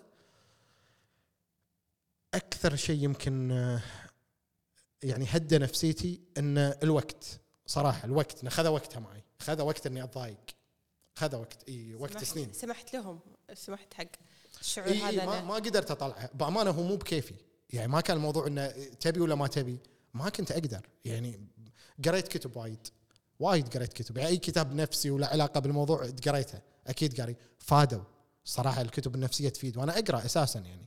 ففادوني بس كل واحد يعني مثل تركيب. مال تاخذ معلومة من هذه تقرأ كتاب كامل تاخذ شابتر عارفها صح. بالضبط. ماكو ف- شيء يطبج الأصل عليك أنت. أنت بالضبط. اللي تحدد ظروفك. يعني التجربة مالتك unique مميزة بتفاصيلها. ما حد عايش نفس صح. تفاصيلك كلها. صح. ماكو غيرك أنت أبو يوسف. واحد. بالضبط بالضبط بالضبط. فهذا الشيء شنو خلاني بس أستوعب؟ إن أنا ترى طول عمري وأنا صغير أخاف بس كنت أخاف أمي وأبوي يموتون. هذا كان ال fear مالي. بعدين اكتشفت إن يعني مع التجارب هذه اللي مريت فيها انه لا مو هذا ال fear هذا أصلا المفروض شيء طبيعي. لازم تعرفون إن الموت شيء طبيعي. اللي مو طبيعي صدق اللي أنا الحين أتضايق منه إنك إنك تظلم هذا الإنسان العزيز عليك. إن أي شخص ترى مو مو أنا يعني أي شخص ياخذ حق من شخص ثاني. هذا يضايقني. يعني أنت الحين لابسة فلسطين. قضية فلسطين ليش تضايق تحر؟ يعني أنا أحترك. مو ترى مو سالفة ما طالعها آسف بس بقول الصدق يعني. الحين مو الموضوع اطالعه كإسلام ومو إسلام أطالع حقوق. ناس يوم من برا خذوا حق مو حقهم وقاعد يتمددون ويتوسعون بحق مو حقهم. بالضبط. أنا هذا قاعد يحرني. صح. بعدين تدش موضوع الإسلام. بس بداية بداية الموضوع مو يعني أنا اشوفها الإسلام أكيد داش بالموضوع. بس أنا أشوفها إيه بداية. صح صح. انسانيا. أنت شلون واحد يجي من برا واحد يدش بيتك وهذا بيتي يلا طلعوا برا. فهمت فهمت قصدك. يعني قصدك ال- الفقد شيء أساسي يصير بالحياة. وهو fact وهو حق حقيقة. برافو. بس بس شنو اللي مو حقيقة؟ لما تستغرب إن البني آدم يعني آه الله سبحانه وتعالى خلقنا فطرتنا سليمة. صح. شنو اللي يخلي الإنسان يطلع من فطرته ويسوي اللي صار فيك أنت اللي الناس اللي سو شنو هذا؟ وننكره ونستغربه وصعب علينا نتقبله. ما نقدر. لأن حتى وأنا قاعدة كذي احسه بجسمي. عرفت شو أقصد؟ صح صح صح. بالضبط. وهذا اللي يعني بأمانة مو بس عورني قاعد أقول لك قاعد أحس بشعور أول مرة أحسه. يعني قمت أحس مهما أنام ما أقدر أرتاح. لما أطلع مو مستانس بالطلعة. ما زين انت شلون شلون مو مستانس بحياتك وانت تملك كل شيء ونس. انت تملك أحلام وايد كويتيين. مو أحلام وايد ناس بالع... لا لأن الكويتي ترى صعب. الكويتي أصعب من غيره الصراحة يعني هو بكي ويختار وهو أساسا مولود عنده خير و... فلما تصير أنت حلم كويتي أو وايد كويتيين أنت وين وصلت؟ زين لما تصير حلم وايد كويتيين المفروض شنو؟ أنت wow أنت عايش بال la la land. اللي الكل يحلم. بس أنا كنت لا. ليش؟ بسبب الموضوع فإي المواضيع النفسية تأثر. الدكاترة النفسيين لهم دور. الوقت له دور. بالعلاج إحنا قاعد اتكلم بالعلاج. الدكاترة النفسيين لهم دور. الوقت له دور بالعلاج. القراءة لها دور بالعلاج. وما أنكر حتى اليوتيوب. وإنك تدش وتشوف الناس اللي شي تعرضوا. يعني تعرض مو حق أمثلة مشابهة يعني. تعرضوا للظلم تعرضوا للبوق النهب ال- شنو شنو وضع ما شنو شلون عاشوا. فدشيت يوتيوب حتى الحين في وضعنا الحالي الحين بزمننا البودكاست يأثر. أنا من وجهة نظري البودكاست يعالج يعالج لأن أنت بتشوف oh هذا مر بشيء مشابه. تحس إن أنت مو إي م- انت بروحك بالضبط انت بروحك صدق تحس فيه. فهذا علاج. أنا I believe انه علاج جزء من العلاج نقدر نقول. إنزين ال- اللي يمكن بعد عورني زيادة وزيادة على نفس موضوعي إن هذول الأشخاص اللي استغلوا واللي باقوا واللي انهبوا يمشون خلف اسم الدين. كلامهم كله أخلاق. بالمسجد أول سطرة طبعا ما يمثلون ما يمثلون الدين بس أنا قاعد أقول لكم تصرفاتهم. هذول اللي ما يطوفون ولا صلاة اللي باقوا ما يطوفون ولا صلاة. اللي باقوا كل كلامهم عن الدين. والإسلام يحث كذي وهذا من الأخلاق وهذا شيء شي. وساعدنا عطنا نعطي الفقارة. تعور زيادة أبو يوسف تعور زيادة. برافو. حسيتي فيني حسيتك حسيتي فيني. عورني زيادة. واللي اللي, نبيه منك إنه عطنا فلوس خل خل نساعد الفقارة. وتروح هني. فلما تمشين انت ورا الدين تحس إنك يعني قمت اطالعهم إن أنتم شنو القذارة اللي أنتم فيها؟ أنتم قاعد تمشون ورا دين يعني قاعد وكل كلامهم شرف أخلاق نبل. وحتى لما يكلم يقول الناس الش... يعني أنا قعدت معاهم خوي يعني قلت لك قاعد معاهم فترة. يعني كله يتكلم كل كلامه الشرف والإنسان الشريف وأنت إنسان شريف وأنت أخلاق وهالكلام يعني. كل كلام أخلاق دين أخلاق دين. وطبعا يعني عشان يستلم منك مبلغ والله الحلف عنده ببيزة. عرفت الناس لأن أنا كنت أنا كنت أقول أي إنسان يحلف مستحيل يكذب. تفكيري القديم نعيد ونقول مستحيل حلف. هذا شنو يقول لي؟ والله العظيم كل فلس تعطيني اياه رايح عند هلا. والله الع... والله والله وحلفت. عند هلا هني. هذا هلا بالنسبة له. فعرفت إن في ناس تستغل خلف الدين. وفي ناس عشان كذي أنا أصلا في رسالة أبي أوصلها غير كل هالكلام اللي قلته. إن حتى أنت لما تبي تدفع دير بالك حق منو تعطي. أنت وايد وا- إحنا ككويتيين وايد فينا فطرة حلوة. إن نبي نساعد نبي نعطي مشتطين على المساعدة. حلو هالصفة حلوة فينا. كلنا ككويتيين. بس ديروا بالكم منو تعطون فلوسكم. لأن أنا واحد انقرصت. أنا واحد عورت. أعطيت فلوسي حق الغلط باسم الدين. فتبي تعطي؟ أنا الحين لو بعطي بعطي فقير أعطيه. بس ما أعطي واحد يوصله. إلا اللهم لجنة من الدولة. أدري ان هذه من الدولة. الدولة اللي قاعد على- ممكن أعطيهم يوصلون لأن ثقتي بالدولة. بس ما أعطي حق واحد يقول عطني أعطي. لا توصل عني. يعني أنا بالفترة الأخيرة بس بقول لك الصدق يعني أنا عمري ما فكرت إني أسأل هالأسئلة هذه. خلاص أنا إذا شيء يعني أوكي مثلا حتى حتى مثلا مضمون من من الدولة ترى إحنا ما نسأل على طول نتبرع. نسأل،. بس ترى فعليا الأصح ان إحنا نسأل لأن من حقنا ان إحنا نسأل. إحنا شوي نسينا إن من حقنا ان إحنا نسأل. صح. أنا هذه الفكرة حتى لما شفت ما شاء الله يعني مثلا مساعدات فلسطين. وايد استانست ان شفت الطيارة نفسها تمتلي مساعدات وتروح فلسطين. هذا يثلج صدري. ان شفت شو هذه الطيارة راحت وان المساعده هذه مالت اللي ندف كاهو. هني قاعد أشوفه. ارتاح قلبي. شو حسيت؟ حلو. شيء حلو. المساعدة بحد ذاتها شيء حلو. الخطأ إنك تساعد وما تدري فلوسك وين تروح. أعيد وأقول من واحد من قرص. مو ضد المساعدة. إحنا ضد منو تعطي. ولأن الاغلب الأغلب ترى شوف لما إنسان وايد يرفع من نفسه وعطني أنا اوصل و- واودي أجيب فيه تحسينه شي عطني بس بس أبي الفلوس بس خلتي هذا تخافين منه أنت ليش وايد مندفع؟ ليش وايد هامك يعني الموضوع أنت إذا هدفك فعلا بتوصل خلاص أنت أعلن أعلن وأنت مرتاح يعني ليش مصر؟ ليش الإصرار هذا إنه أبي عطني فلوسك جيب فلوسك عطني بساعد ساعد سا... ليش ليش؟ هذا شفتي هذه بحد ذاتها تدل على مثل ما قلت لك شيء في كلام يدل على شيء ثاني فهذا يدل إن أنت عليك علامات استفهام. فأنا الحين يعني بوضعي الحالي أي إنسان قدامي لما يكلمني ترى أستشف منه وايد أمور من أول قعده من أول محادثة أستشف منه. يمكن أنا شخصيتي أعرف يمكن غيري ما ما أدري بس أنا أصيد هي أصيد إن هذا الإنسان اللي قبالي زين مو زين. آدمي مو آدمي كذاب نصاب بواق. يمكن لأني مريت يمكن. وأتوقع إن وايد ناس مثلي عندهم اللي اسمه الفراسة. إن اللي يشوف قباله يعرف إن هذا لا نظيف. نظيف. على الأقل خلينا نقول رؤوس أقلام أساسية. إنه مبدئيا نظيف. أو مبدئيا مو نظيف. وأتوقع وايد ناس عندهم كذي. بتسمينها فراسة بتسمينها إن أنت تعرفين تستشفين. بس وا... حتى أنت أتوقع إحنا تشوفين قبالك واحدة تسولف معك أول مرة. يمكن تصيدين كبدايات بس رؤوس أقلام. يعني رؤوس أقلام هذه لا مبين عليها حليوة خوش ادميه هم مبين عليها من أسئلتها ما ارتحت إيش فيها؟ شنو هذا؟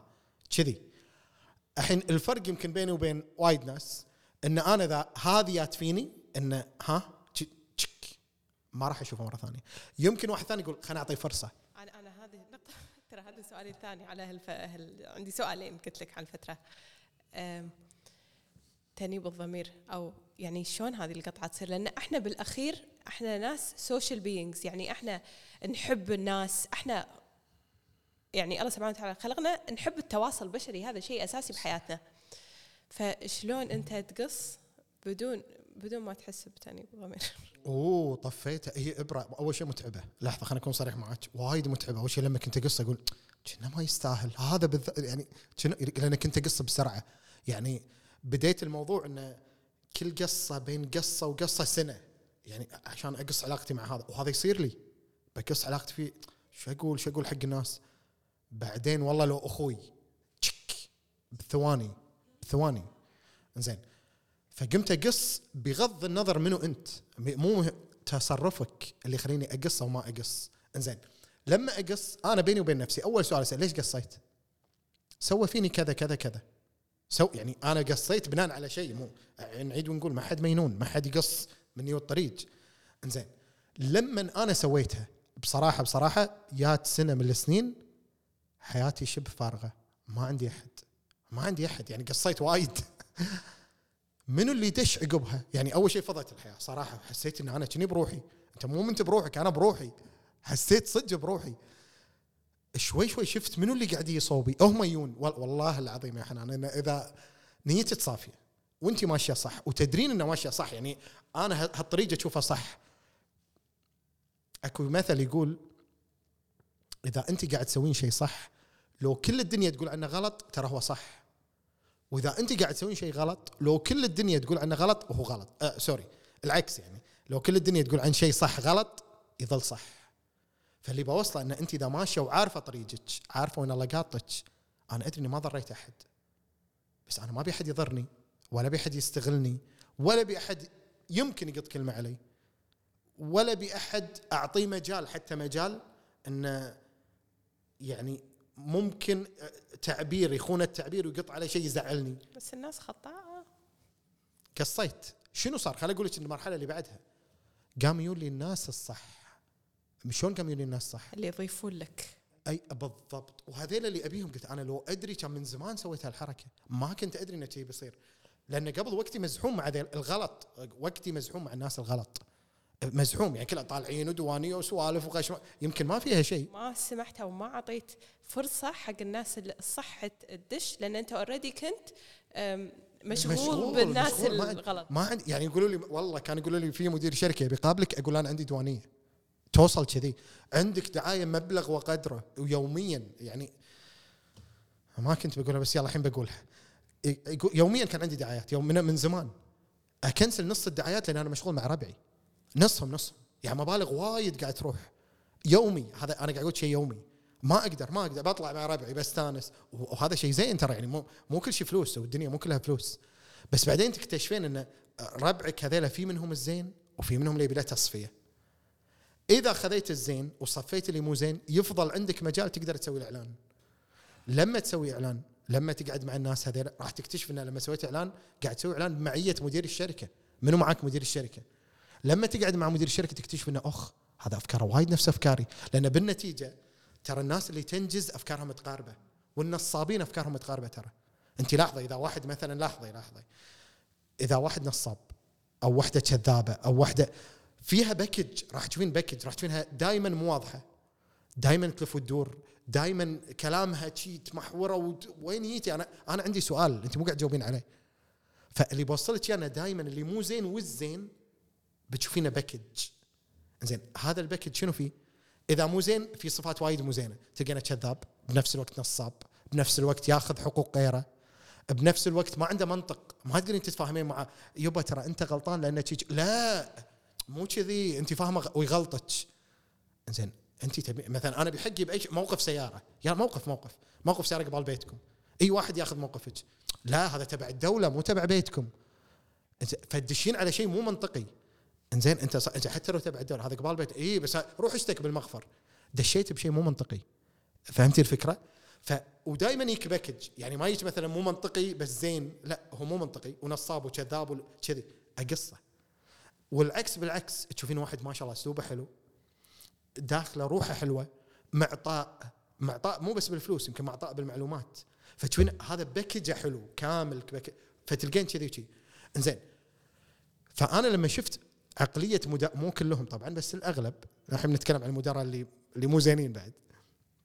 شفت إنه أخ هذا يناسبني. لما اقعد معاه أسولف معاه عقليته تناسبني. أنا مالي شغل أنت شنو؟ مالي شغل بدارتك ومطعمك وشركة سيارات مالتك. أنا مالي علا- أنا شفتك وقعدت معاك. ما شاء الله عقله متوافق مع عقلي. فهو بعدين خ... هذه مرة واحدة قعدنا مع بعض كلها واتسابات بعدين نروح مطاعم. نقعد مع بعض نسولف. بربع فتكونت علاقات جديدة.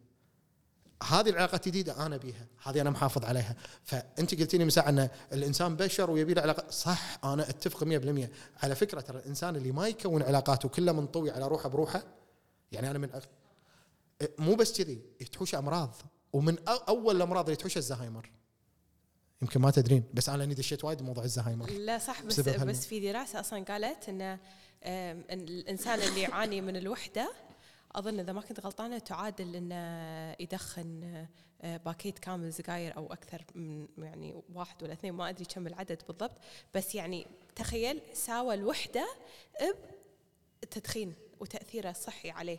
ف وفي دراسات وايد عن عن تأثير الوحدة يعني على الشخص وعلى نفسيته. صح صح. الحين اللي صار في وضعي أنا مريت بحالة الوحدة اللي قلت عنها ونفسيتي فعلا كانت أنه ما عندي أحد. يعني ماكو أحد معاي. أنا بروح آه اللهم يعني خلي لنا ملايين ال followers كل مكان. مليون بالسناب مليون بالتيك توك مليون بكل مكان. والصراحة هو قاعد يشغل وقتي. يعني كانوا قاعد يشغل لأن قاعد أرد على ناس وأنا عندي عيادة. أنا بالنتيجة يعني عندي عيادة. فقاعد أقابل ناس يوميا. وبصراحة الناس قاعد يعني تعبت. تعبت إني قاعد أقابل ناس وأنا قاعد أعطي من. يعني في واحد يبي يمشي الدنيا. يلا تعالوا وصفه ومع أنا لما واحد يقعد قبالي قاعد أفهمه عدل. أجاب له شي وأفهمه. هذا الموضوع بروحه متعب. خلي كل شيء خلي كل شيء. وايد. وأنا مو قاعد أقابل واحد أنا قاعد أقابل كل يوم خمسين وكل واحد يقول لي قصة حياته.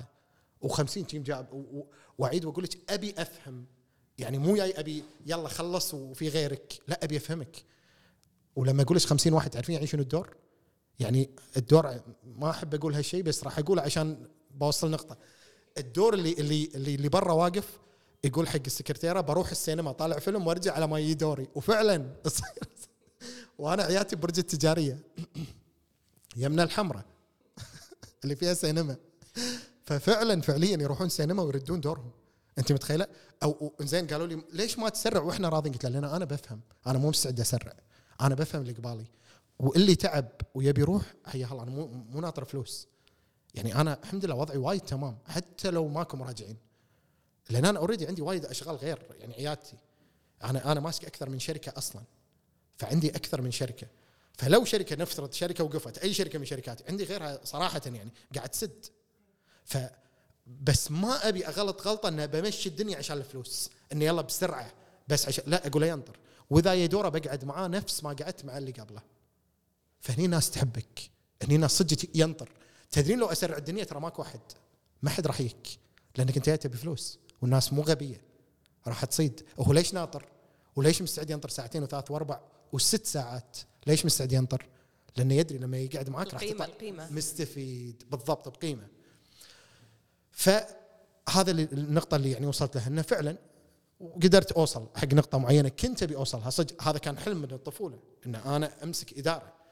يعني أنا ترى من وأنا صغير يمكن كان حلمي إني أمسك شركة. من وأنا صغير. بس ما توقعت إني أمسك أربعة. ما الله كنت يزيد متوقع. ويبارك إن شاء الله. الله يسلمك. في نقطة بس بقولها قبل لا تنتقلين للنقطة اللي بعدها. لما تقومين يكون عندك صداقات في مستوى أنت تشوفينه نفس مستواك أول شيء أنتم تضيفون حق بعض. وايد راح تضيفون حق بعض. بعدين يصير ماكو تكلف. بعدين تحسين إن أنت قاعد تفيدينه حق شركته وهو قاعد يفيدك حق شركتك. بعدين يصير عندنا إعلانات مشتركة. ولما يصير عندي إعلان مع مثلا مدير صار صديقي مثلا عنده سيارات. أنا قاعد أفيده في بيعة السيارات وهو قاعد يفيدني في مبالغ إعلان. اثنين قاعد نستفيد أنا قاعد أخلي الناس قاعد يشترون سياراته. يعني اليوم أنا البودكاست يمكن ما راح يوصل قبل يومين ثلاث كان آخر إعلان لي لسيارة. المشاهدات مليون. صاحب الشركة قال لي تقدر تمسح الفيديو؟ لأن الحين ماكو سيارات خلاص. ماكو. حتى المحجوزين ماكو. الناس بي... قلت له قاعد يفيدك. خله قاعد يفيدك. قلت له إذا تبي double السعر ونمسح. اللي بوصله إنه يصير علاقتك حلوة تستان يعني أنت قاعد تسوي شغل شوفي أنا المرحلة اللي الحين واصل أنا خلي قبل قاعد أتكلم عن قبل أنا الحين قاعد اكلمك عن اليوم. أنا قاعد أسوي الشيء اللي أحبه بمقابل مادي وايد كبير. بس قاعد أسوي الشيء اللي أحبه. أنت لاحظه والإنسان اللي يسوي الشيء اللي يحبه يبدع فيه. يعني أنت ليش مبدع؟ ليش إعلاناتك حلوة؟ ليش إحنا نطالع إعلاناتك؟ لسببين. أول شيء أنا طالعة من قلبي. يعني أنا صدق وأنا قاعد أصور السيارة مشاهداتها مليون الحين الحين طالعة. وانت طي- شوفي اخر إعلان سيارة. شكلها ما نقدر نقول عشان نقول؟ اللي اللي يريحك عادي. شكلها كأنها ديفندر هي ترى كأنها ديفندر السيارة. إنزين وسعرها خلاص بنفلها. سعرها 8000 دينار. يعني تتخيل كأنك ماسكة ديفندر سيارة صينية. بالضبط نسخة ديفندر 8000 دينار فصار طق عليها. طق والناس ما تدري. لأن الناس في ناس وايد يبون ديفندر مو موجود. هذه متوفرة. فصار طق عليها. وما شاء الله ما شاء الله يعني صدق سيارة حلوة. والصراحة لما صورتها يعني أنا طالع من قلبي الكلام هو شلون شلون يوصل الإعلان؟ إنه مو تقولين هذا الكوب حلو وجميل و... والله أنا أحس يسوى 70 دينار. ما راح يمشي الموضوع. ما راح ي... ليش ما راح يمشي؟ لأن قاعد تتكلف. أه، والناس عندها عقل نعيد ونقول.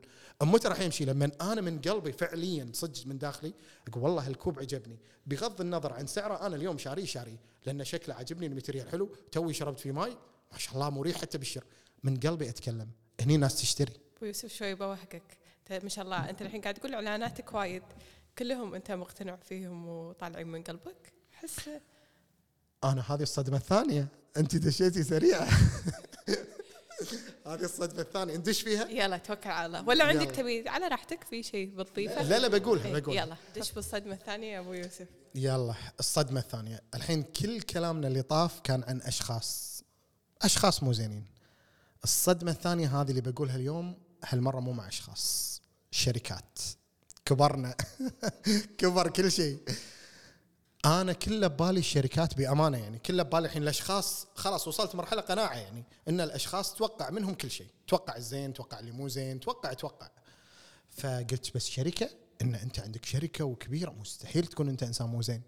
فيعني حتى أنا ترى الحين مثلا بكون علاقة مع شخص جديد مثلا خلينا نفترض هذا الشخص ما أعرفه وايد عندي شروط عشان يصير هذا close to me لأن أنت بدخلك دائرة حياتي. أوه لازم تطوف وايد أختي لازم تثبت لي وايد شغلات. بس لما يكون مثلا مدير أو لما يعني هذا مبدئيا شلون صار مدير؟ أكيد مر بظروف وما وصل لهني. فغالبا غالبا يعني هو مو طبعا بفلوسك. غالبا هو تعبان على نفسه. غالبا راح يشاركك وايد أفكار. فيصير في سهولة بدخول حياتك. مو لأنه مدير مو لأنه وصل مرحلة غالبا مثل اختبارات. تجاوزتها وصلت مرحلة أن تاهلك تدش هني تدش هال- هالمكان هذا. شلون وصلت؟ مريت باختبارات. فخصوصا الكبار المدراء الكبار.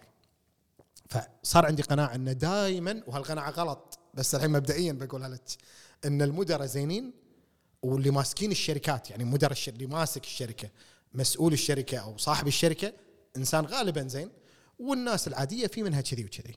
إنزين. لين انصدمت بأول شركة بحياتي.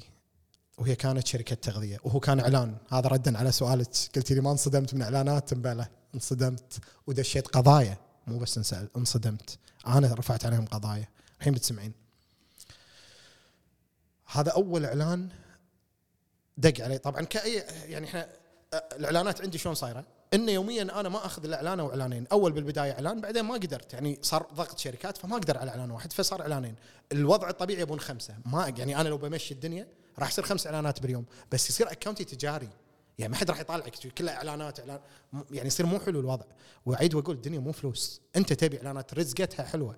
بأمانة يعني الإعلانات رزقتها حلوة ما ننكر. بس أنا اللي حطيت لي limit حق myself بالبدايه حطيت limit إعلان واحد باليوم. بعدين رفعت البار شوي انه إعلانين. إن شاء الله ما أزيد عن إعلانين لأن أكثر من شي وايد. إنزين.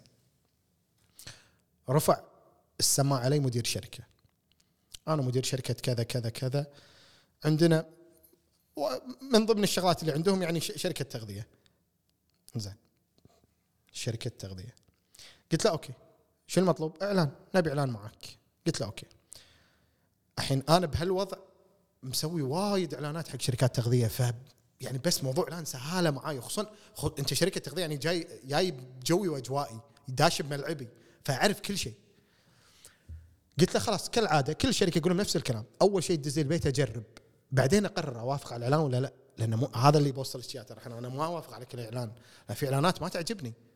فعشان كذا لما تشوفين إعلان طلع بحسابي يعني أنا جربته. فهذا نفس الكلام. قلت له دز لي البيت أجرب وأقول لك موافق ولا مو موافق. قال لي أبشر باكر عندك. حياك الله. سكرت المكالمة. ثاني يوم بيتنا كله صناديق تغذية. ترس البيت. يعني كنت أقدر أفتح شركة تغذية من صناديق اللي جابهم البيت. ترس لي ترس لي. ما أعرف شنو أختار. قاعد أشوف جبال صناديق. قلت هذا شو مسوي؟ كان ابطل قلت شي random أبطل صندوق أجرب. wow. أكل لذيذ. صندوق ثاني أجرب. wow. ألذ من الاولاني وانت متخيلة؟ وايد وقاعد أخذ random يعني يعني صعب إنه يصير شيء غلط. فلا على طول دقيت عليه. قلت له أبو فلان أبشر أبشر بقوى إعلان. أنا منتجاتك عجبت أنا مقتنع. توكل على الله. تم صار الإعلان. بعد ما صار الإعلان الحين الحين يعني وايد من متابعيني صحيين. باعتبارنا أنت إنسان صحي فيتابعونك وايد صحيين. مو كلهم بس وايد أكيد من الملايين. في الصحي وفي مو اللي صحي في اللي يتابعك وناسة يعني. في اللي يتابعك عشان معلومات. وبعدين later on اكتشفت ان في اللي يتابعني عشان الإعلانات. ترى بس يشوف الإعلانات. ففي كل شيء فئات المجتمع كلها موجودة. بس في فئة من الفئات صحية وهي فئة كبيرة. يعني لو ندش مليون شخص لو ناخذ 10% وايد هذيلا اشتركوا معاه. إنزين. لما اشتركوا معاه يوميا يدزوا لي شوف شنو لقينا بالبوكس. شوف يصوروا لي. الحين مو كلام تصوير. تصوير قاعد أشوفه بعيني. الأكل خربان الأكل فيه حشرات الأكل اكل وايد وايد فيه مشاكل. كان كلمه ترى أنا مو واحد ولا اثنين اللي اشتركوا معك. يعني هو إذا دافع مبلغ الإعلان هالكثر هو طلع هالكثر من المشتركين. الله يزيد ويبارك له. بس ما يصير تقص على العالم. أنا ما لي شغل بكم أنت طلع يعني واضح من اللي كلموني أنا اللي كلموني بس كلموني أنا أكثر من 500 600 شخص منفردا كلموني. هذا غير اللي اللي عرفته اللي اشترك وطلعت له مشكلة واستحي يكلمني. غير اللي أدري إن في ناس كذي يعني أنت مع الشغل وايد تعرفين الدنيا شلون ماشية عندنا. يعني مشهور إذا واحد كلمه ترى في غيره ما كلمه بس مر بنفس الموضوع. فإذا كلموك 500 مثلا يمكن ألف مارين بالمشكلة 500 ما تكلموا. انحرجوا ما يبي دز طاف. بس وايد دزوا لي حشرات. وسخ بالأكل. الأكل كله شي معشعش على بعض. ما ينوكل ما ي... في واحد مسوي يعطيك طاوه تكرم يعطوك كلاب ما تكرمون ما ياكلون ما ما ينوكل. كان أقول أبو فلان ترى وايد قاعد يشتكون. وأنا لو واحد اثنين والله ما أكلمك لأن راح أقول رأي فردي. يعني وا... أي شركة أي شركة حطي أي شركة ببالك في اثنين ثلاثة ينتقدونها. أي شركة روحي من سيارات طيارات أي طيارة ركبي طيارة. الطيارة اللي بالك واو في واحد ينتقدها. السيارة اللي ببالك انت واو في واحد ينتقدها. طبيعي.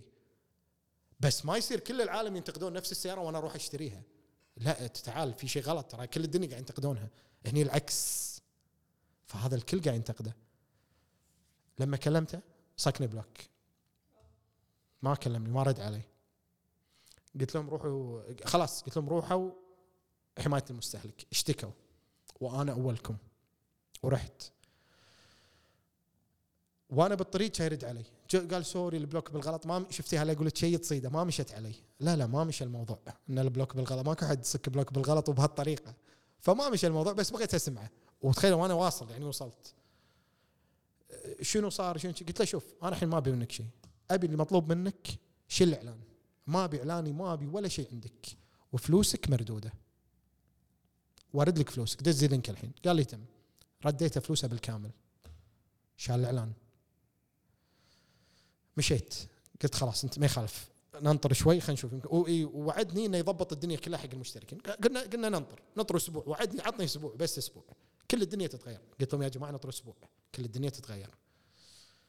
بعد أسبوع إعلاني الواحد صار مليون وانشر كل مكان سناب إنستغرام تيك توك وحطه sponsor و sponsor مليون. اللي تشوفيني أنا بكل مكان. يا وين ما تبطلين تشوفي وجهي. شنو هذا؟ هني صكني block اللي بلا رجعة. خلاص. وهني اللي رفعت قضية. بعدين عرفت لما رفعت قضية طبعا المباحث يابوه خلاص تلو. وطلعت واحدة كبيرة بالعمر أصلا. يعني هذا الواحد تحتها. واحدة كبيرة بالعمر وتشتغل بسرداب وقاعد يبيعون حق الناس. ويمكن كانت غلطتي إني ما شيكت على الرخص. لأن ما توقعت إن واحد عنده هالقدرة إنه يوصل كل الكويت وما عندك رخصة تشتغل. فقلت لهم رئيس ماني متنازل عن القضية. أنا ماني متنازل. كبيرة صغيرة بالعمر الحق حق. يعني أول كنت أقول حرام. العمر الحين ما طالع العمر. الحين طالع أنت سويت شيء صح ولا غلط؟ صح إذا بسامح أسامح شغلات معينة. في شيء تسامحين إحنا بشر بالنهاية كلنا نغلط. بس مقياس متى أسامح يفرق. أنا بالنسبة لي وايد هاي. ما يعني أسامح بشغلات معينة.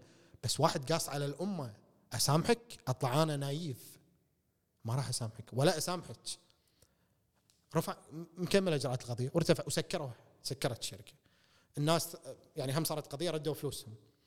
على الشركة الأولى الحين قاعد أتكلم. فأنا صارت من هال من هني صار عندي شك من شركات التغذية. أول شيء سويته يمكن غلط والله بس سويته. رفعت سعر إعلاني على كل شركات التغذيه ثلاث أضعاف. ضربته بثلاثة. واللي ما يبي عسى ما يبي لأني أنا ما أبي. أنا ما أبي. ثاني شيء سويته كنت أرفض إعلانات المطاعم كلها. قلت والله أنا اللي غلطان. كان اقبل كل إعلانات المطاعم وقلت حق السكرتاري أي إعلان مطعم لا تردونه. وأنا بسويه وأنا الشق من هني لهني. ليش؟ لأن بعدين عرفت المطعم شلون أسهل بتقاضيه أنا رحت مطعم كليت منه وجبه أول شيء وجبة. يعني مقدور عليها مو مشترك ومدبوس مع الشهر وفي ناس مشتركين سنة ودافع 400 و500 دينار. زين فأنت مو مدبوس وجبة. زائد مطعم يعني مثلا مطعم نقدر نقول أسامي مولات. عادي صح؟ مطعم بالافنيوز مثلا. من غير اسم المطعم مطعم بالافنيوز سوى شيء غلط. أنا من وجهة نظري غلط. أقدر أشتكي عليه كاهو قبالي. هذا المطعم أي واضح وخدعني وأشتكي عليه وأرفع عليه قضية. وعلى فكرة تدرين إجراءاتهم بالقضاء أسهل بالمطعم من شركة تغذية. تعال طلع منو الرخصة ومن وين وين مطعمه وين القصة. هني شوي بدأت انتقادات من الناس. ترى أنت مال تغذية وايد إعلانات مطاعم. هي وأنا مستانس. اي والله. لأني مقتنع اقتنعت عن قناعة قاعد أسوي شغلي. فصار يوميا إعلان مطعم وبالشهر إعلان إعلان مكان واحد تغذية اللي هو أكل صحي. أول كان العكس. أول يوميا تغذية مرة مطعم. وليه اليوم هذا السيستم اللي ماشي فيه. لين طحت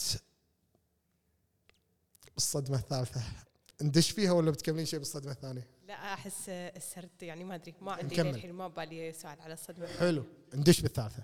لين طحت بالصدمة الثالثة. وللأسف هم شركة تغذية. عاد هني لا تسألين شو أنا أنا صعب واحد يقص علي مرتين. على قولتهم يعني ما يلدغ من الجحر مرتين. يعني ما ما تنصاد. شلون يصيد شركة تغذية جايتك السالفه دقوا علي نبي إعلان. قلت لهم okay عاد الحين مقروص. فمجهز لهم سيناريو. أي شركة تغذية عقب هالسالفة أول شيء أبي رخصكم تفضل الرخص. مسكت طالعتي والله صح عندهم رخص. ثاني شرط كلهم ترى ها كلهم. أزور مطبخكم. لأني مقروص أزور ما أزور مطبخ ماكو إعلان. ما تبون. حياك الساعة المباركة. ننطرك بالمطبخ. كان أروح المطبخ. شفته. كان أقول اي والثالثة أنت عرفتها الحين. قلت له سعر الإعلان كذا ضرب ثلاثة. يعني السعر الإعلان الطبيعي ضرب ثلاثة. لأنكم شركة تغذية. ليش؟ ما ليش والله ما تبي الساعة المباركة. ما أبي. لأن أعيد وأقول لك أبي شيء إنه يسوى. أتعب عليه. موافقين. كان يتم الإعلان. صار. الحين صار الإعلان عقب ما شفت مطبخهم وشفت رخصهم ودفعوا مبلغ وغدرة. فقلت هذيلا صجين الناس اشتركوا. وقلت له خلي الرخص عندي عشان إذا أي أي شيء صار أنا عندي رخصك. أقدر أطلع حق الببليك. واعيد وأقول ترى مو هالشركة بالذات كل شركات التغذيه نفس الشيء. من أكبرها وأسمنها لأقل شركة. إنزين. بعدها بشهر. بلشت نفس الموضوع الحين. اشتراك وايد ناس اشتركوا. بلشت تطلع المشاكل. شنو المشاكل هالمرة؟ مو نفس ذاك. ذاك شنو مشكلته؟ قاعد يوصل أكل وسخ. قاعد يوصل أكل مو نظيف. أكل فيه حشرات. أكل مو مرتب. هذا ما يوصل أصلا. يعني أنت متخيلة تدفعين فلوس ما يوصل لك شيء. صفر. ولا شيء. ولا يوم. شلون؟ أعطيني فلوسك خذيت فلوسك مع السلامة. ما اعرفك بتكلميني؟ بلوك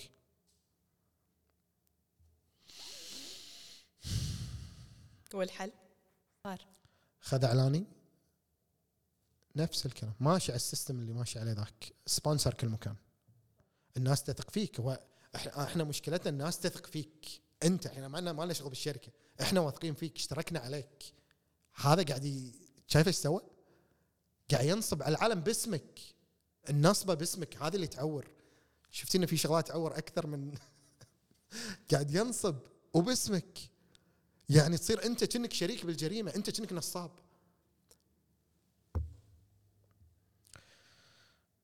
أول شيء طبعا رفع كالعاده دلينا درب المحاكم. بعد ما دلينا المحكمة عرفنا الطريق محامين موجودين والمحكمة موجودة وعارف بالضبط حتى البوابة اعرفها البوابة التجارية. وقدمنا. الحين الصدمة مو هني. هذا يملك فلوس. يعني مو نفس ديك اللي قطة ما وراها ودونه عشان هالإعلان. لا هذا يملك من الأساس. شلون من الأساس؟ مو مسوي بس عندي. مسوي عند كل الممثلين بالكويت. أي ممثل تتخيلينه؟ أي مغني تتخيلينه؟ أي مشهور تتخيلينه؟ وحاطهم كلهم كذي بالدوائر. عرفت الدوائر مالت الانستغرام؟ حاطهم. فأنا مو بروحي بهالإعلان. بس ما حد يتكلم. قلت لهم أنا مالي شغل بالجماعة. بيتكلمون هذه حريتهم كيفهم؟ وأزيدك بعد من البيت هذا مو دافع حق إعلان واحد. هذا دافع عشان تعرفين إنه قوة مالية عنده هو يملك قوة مالية. هذا قال أنت كم على كذي؟ وضربته بالسعر. أنا اوريدي ضاربه اللي ما أبي أسوي صراحة يعني قاعد أوخر. بس اللي بيدفع يدفع هم. حلوة رزقتها. وأنت مو ببالك إنه بيقص على الناس لأنه لو بيقص على الناس ما ترضى أساسا يعني. قال أبي 12 إعلان. ودفعهم مرة واحدة. ال 12 طقة واحدة دفعهم. فهو يعني أنا سويت واحد بلشت المشاكل. هو يطالبني 11 الحين. كان أقول أبو فلان سامحني بس أول شيء فلوسك كلها نفس الكلام. أنا يعني سيناريوهاتي معروفة. قلت له فلوسك كلها مردودة حتى أول الاعلان اللي دفعته مردود شيل إعلاناتي بس ما ابي اعلان ما أبي منك شيء بس ما ابي اعلان وأنت عندك مشاهير. إن شاء الله يكفون ويوفون. أنا بس شيلني من الحسبة. قال لي تم. بس أنا صراحة خفت من من عقب السالفة الأولى. قلت له بس أول إعلان ما يخالف. بس أول إعلان أنا شفت ان الناس اشتركوا يعني ما شاء الله الله يزيد ويبارك. فتسمح لي بس اول اعلان لأنه تم والباقي مردودين وتشيل الاعلانات الباقي يعني تشيله قال لي عادي. رديت له فلوسه. كالعاده ما انشال شيء ونحط sponsor. نفس السيناريو. نحط sponsor. فانا منتشر كل مكان. رفعنا دعوه. والناس رفعوا. أنا مو بروحي ترى. الناس قاعد ترفع معاي. لأن نصب عملية نصب احتيالي متخيلة يعني هذا النصبه بالكويت. نصبه بالكويت. إيش قاعد يسوي؟ يعني تخيلي أنت يعني حطي نفسك مكان الناس هنا، أنت الحين تدقين على شركة تغذيه أبي أشترك. كم الاشتراك هل هالمبلغ؟ دفعت المبلغ، link طبعا يدزش link. من باكر الأكل دفعت ال link. صار باكر ما في. يومين ما في أسبوع شهر ما في. زين تدقين عليهم يصكك block. يعني ما راح يرد عليك أصلا. آه تقولين خلينا نصيده. شوف أنا قاعد أقول لك شلون الناس تفكر الطبيعية يعني. تقول أصيده أدش له بال comment الحين وأشقه بالكومنتات. تدشين comment مسكر كومنتات. ما ما راح تصيدينه. فمو واضح إنه هو قاعد ابدا ابدا. فالناس أوه wow ويدشون على كذا مشهور قاعد يسوي لهم. والمشاهير أدري نفس فكرتي. كلهم طايحين نفس ال... نفس الشيء يعني لأنه بالنتيجة نفس الشركة. و by the way حتى متابعيني يقولوا ترى إحنا اشتركنا عن طريق فلان يمكن هو ما يدري. بس أنت بطلت مسجي شفته please تكلم عنه. فدشيت تكلمت أنا نزلت سناب وتكلمت. تكلمت شنو؟ قلت انها شركه قلت الشركة نصابه وفي ش... الأمانة قلت حق الناس يا جماعة نغزه وكل واحد يقول اسم بس المحامي قال لا تذكر الاسم. لا تقول الاسم. لأن طول ما إنه ما طلع حكم نهائي أنت مو من حقك تقول اسم. يعني أنا قاعد أتكلم قانون. طول ما إنه ما طلع حكم بس يطلع حكم نهائي كيفك؟ فإحنا الحين فيها. بس بأمانة إخواننا من السعودية في واحد شال الدنيا قال أنا يبغى من السعودية وسوي وتحط اسمه. قط الاسم. هو سعودي عايش بأمريكا. ما قصر فيهم والله جزاه الله خير. حط اسمها وقال إذا صح حط like عليه كان أحط like. عرفت؟ إذا مخطوف اغمز فسويت الحركة. وايد عرفوها. فعرفوها وايد ناس وشي ومسكرين تعليقات يعني بالنتيجة ما يقدرون ي... ف هذه الصدمة كانت يمكن الثالثة أو خلينا نقول حتى القضية الثالثة اللي ارفعها أنا ترى بحياتي ما رفعت لها ثلاث قضايا. أهم بعد أنا صدق وايد بالمحكمة بس ما رفعت. ثلاثة بس مو شوية. مو شوية ثقال ثقال وقلت لك يمكن واحدة أثرت فيني وثنتين أثروا على الناس. يعني تضايقت من ضيقة الناس وتضايقت أكثر إن استغل اسمي وطلعني نصاب معاهم. أنت حاطني نصاب معاكم أنتم حاط وجهي أنا الوجه الإعلامي لكم. أنتم شنو؟ أنتم منو أصلا؟ ف تأثرت إي والله تأثرت. تضايقت تضايقت يعني هم جاتني أيام ما أنام بسبة هالسالفة. إن انت الحين اسمك مرتبط بشركة تعبانة. وترى وايد شركات يعني يحطون sponsor عادي يعني شركات سيارات وايد يحطونك sponsor شركات عسل وايد يحطون. وأنا مستأنس يعني طالع ونفسك. حلو حلو إنك تشوف على شيء حلو على شيء يسوى. بس مو على شركة نصابة. هذا اللي يفرق. والحين اللي وصلت له انه لا حتى الشركات. الحين مو الأفراد حتى الشركات. الأمانة يمكن لي الحين أنا أثق فيهم الشركات الكبيرة جدا بالمطاعم وسلسلة المطاعم. لأنه يعني ما يطالع إنه بيبوق من من مجموعة. يعني واحد عنده سلسلة خلينا نقول 12 مطعم بالكويت. مطاعم مشهورة ما نبي نقول أسامي. وعنده بالأفنيوز والمارينا و360 و... هذا أقعد معانا مرتاح. صراحة ما أحس إنه في... وقعدت مع وايد منهم. والأمانة هم طلعنا بديلات حلوة وبدون نصب ولا احتيال. حتى يعني ولا أفكر إن هالإنسان بينصب يعني. يحطني sponsor حط sponsor وين ما تبي. نحط اسمك ال- ال- السفير مالنا حط اسمي السفير مالكم. وأنا مرتاح وأنا مستانس. فبكل شيء يمكن في الزين والشين الانتقاء. أنت تنتقي ولا ما تنتقي؟ أنا الحين الانتقاء عندي مليون. لا أنتقي وايد من يدش. أنتقي وايد منو؟ أكلم. يعني حتى ردة التلفون أرد على منو؟ محسوبة. ما أرد على أنا ما أرد بالتلفون على واحد ما يعني يمكن أنت مثلا قلتي لي مساء أنا قلتي لي إحنا بشر صح نحب نكون اجتماعيين صح بس أنا أكون اجتماعي مع الإنسان اللي أشوف روحه تشابه روحي. مستحيل أكون اجتماعي مع شخص أنا أشوفه يعني مو بس ما يشابه روحي أشوف إنه ممكن يأثر علي سلبا أو يأثر على مزاجي ومودي. دقمة الإن اوف هذه النفسية مالتك. أنا دائما أبيها عندي. تدرين إذا عندك علاقات وايد مع ناس نص ونص ترى الدقمة هذه مو عندك. أنا أكد لك. الدقمة هذه عندهم. لأن اللي نص ونص عادي يقط عليك كلمة وعادي هالكلمة تضايقك. منو اللي طفاك؟ مو أنت هو. ليش؟ طيب ش... لأن الدقمة مالت ال on off أنت ما مسلمتها غيرك. شلون أمسكها وتصير exclusive ال on ال on وال off مالتي مالت mood ي؟ exclusive حقي. أنتقاء انتقي أشخاص. والانتقاء يكون وايد selective يعني كل ما رفعتي السقف ترى كل ما الدقمة صارت بالمخبه عندك على مزاجك. كل ما كان رفعتي السقف. أنا رفعته وايد. فالدقمة حدها حد حد عندي. أنا بكيفي أطفي وأشغل. اليوم mood ي on off on off زين إذا الدائرة توسعت أعيد وأقول لك احتمال مو منك. قطت عليك كلمة أنت فس يعني لها تفسيرين. أنت قلت يمكن إيش تقصد هذه ولا هذه؟ ترى قاعد تتعبثين بالدقمة. سوت فعل. زين يمكن ترى أنت بمكان فرح يمكن بعرس. يمكن تكونين بعرس. سوت فعل أو كلمة أو تصرف مسكت الدقمة مالتك عندها. الأون والأوف. بموقف سعيد المفروض طقتك off. وأنت بأسعد لحظة. أنا قاعدة مع الناس اللي أحبهم. دار مداري وايد ناس. دار مداري سعادة. بس انت off انزين لو رفعنا البار بس نتخيل الحين تخيل لو رفعنا البار هذول كلهم طلعوا طلع تشك تشك تشك تشك حذفتيهم. منو صار موجود بالدائرة؟ اللي وايد selective اللي وا... انت تعبانة عليهم. اللي يوزنون الكلمة قبل لا يقولونها برافو مليون عليك، مرة. برافو عليك بالضبط اللي بقوله. يوزن توزنها 100 مرة قبل لا تقول لك إياها.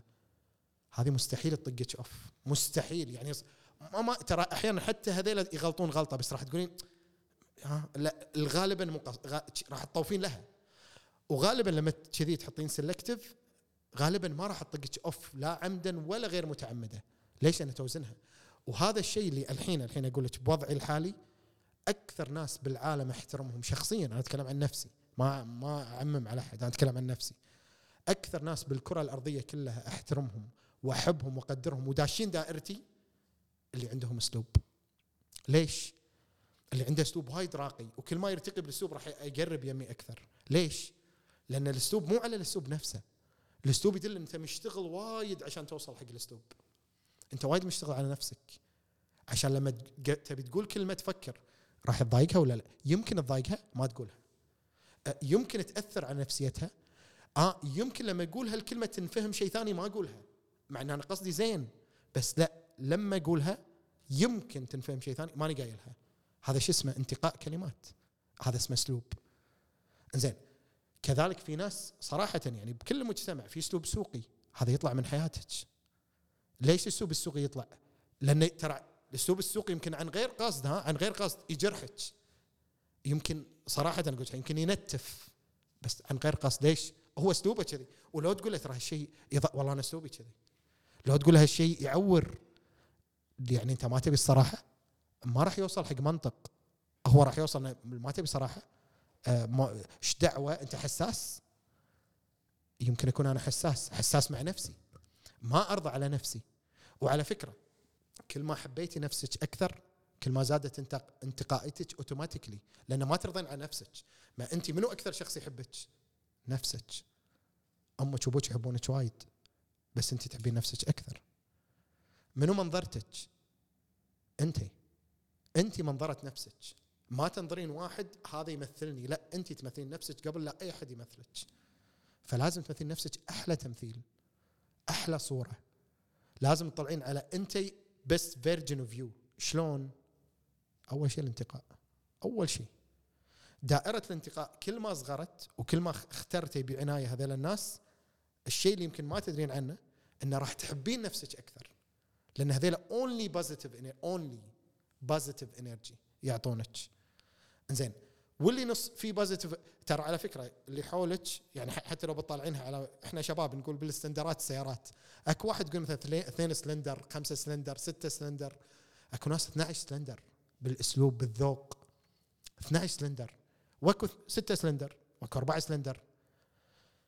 اللي مثلي أنا اتكلم أعيد وأقول أمثل نفسي فقط. مو الكل يمكن يبي يعيش بهالبيئة. أنا كونت بيئة حولي ما حد يدخل ال- ال- ال circle مالتي إلا 12 سلندر زين 6 سلندر زين أنا ما أبي. إذا سويتي كذي أنت مو بس تحبين نفسك تشوفين نفسك قوية تشوفين ابداعك المكان وإذا إذا وصلتي هالمرحلة الاختيار اللي بس 12 سلندر زين الستة ولا ستة وايد سيارات بالدنيا س... أنا ما أبي. لأن ما أبي العادي. الستة عادي ترى. الستة يعتبر عادي. أنا ما أبي العادي. إذا وصلتي هالمرحلة شنو راح تشوفين؟ خليني أقول لك الدنيا بهالمنظور. يعني لما لما تسوين كذي شنو راح تشوفين؟ راح تشوفين وايد ناس يخافون يقربون يمك. لأن يعرفون انت شنو ويعرفون انت منو ويعرفون قوتك. وراح تشوفين نفسك من غير لا تسوين شيء ترعبين وايد ناس. انت ما انت قاعدة كذي. آه، ايدي فوق. مو مسوي شيء. وايد ناس خايفين منك. وايد ناس خايفين من قدراتك. لأن عارفين انت شنو. ولأن أنت عززتي هذا الشعور بنفسك من خلال ال selective اللي سويتيه. plus زيدي على الكل اللي قلته. أنت لما تقولين كلمة ولما تبدين رأيك راح تشوفين نفسك تبدينه بثقة. وتبدي كأنك أنت ملكة ملكة بالعالم. ملك ملكة على الكوكب مالك. أنت بكوكبك أنت الملكة. زين ليش لما تقولين كلمة تحسين إنك واثقة منها؟ وحابه لأنه كل اللي معاك قاعد يعزز فيك شعور الحب. حب الناس لك الانتماء الولاء إن أنت wow مميزة. ومو قاعد يرفعوا في فرق ترى في فرق إن واحد يرفع لك على ولا شيء sorry يعني على أي إنسان أنا قاعد أتكلم. واحد يرفع يقول اي تقدر تقدر تقدر وهو ما يقدر يسوي بس يترفع وفي واحد أنا أقدر وأدري شنو قدراتي وأنت قاعد تعزز هالشعور فيني. يعني أنا أساسا أدري ان فيني هالشيء. أنا أساسا أدري بقدراتي.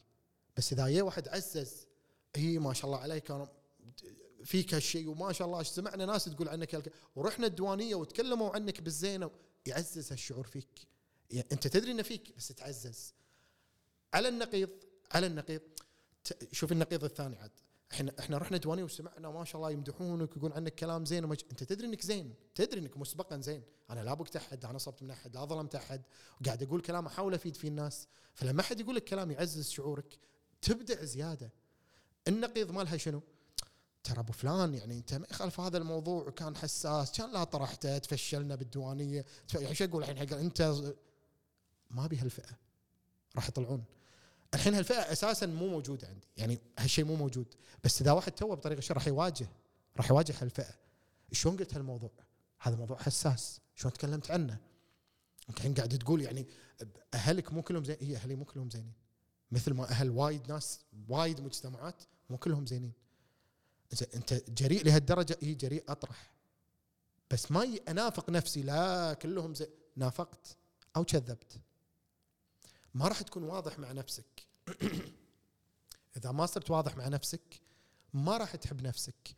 وإذا ما حبيت نفسك ما راح تكون واثق من نفسك. عمرك ما راح توصل. هذه الزبدة. بس بقول لك شيء أنت قلت هذولي مصدر positive energy okay. بس يعني أنا أنا عندي يعني حتى أنا أنا أفكر أطبقها حتى علي. صحيح. أنا عندي يعني حتى تكلمت بهالشيء بحلقة آه، أنوار. قلت أنا في في مجموعة أنا أسميها موف ذا بودي اللي هي تحريك الجثه اللي أنت لو ذبحت أحد هذول يدق عليهم لأن ما راح يسألون شلون صار وين سويت. هم اللي راح يسدون ويشيلون وياك و, و, و لأنهم يثقون فيك هالثقة هذه.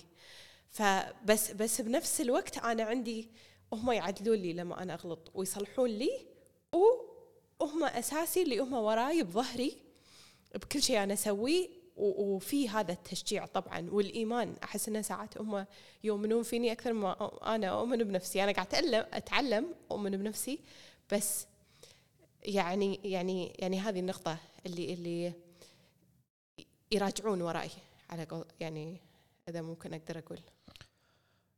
هذول راح يعطونك نصيحة. إيه؟ النصيحة الدنيا علمتني إن النصيحة بوايد مرات نصيحة صح بس بأغلب المرات حسد مو نصيحة. يبونك تطيحين بطريقة ثانية.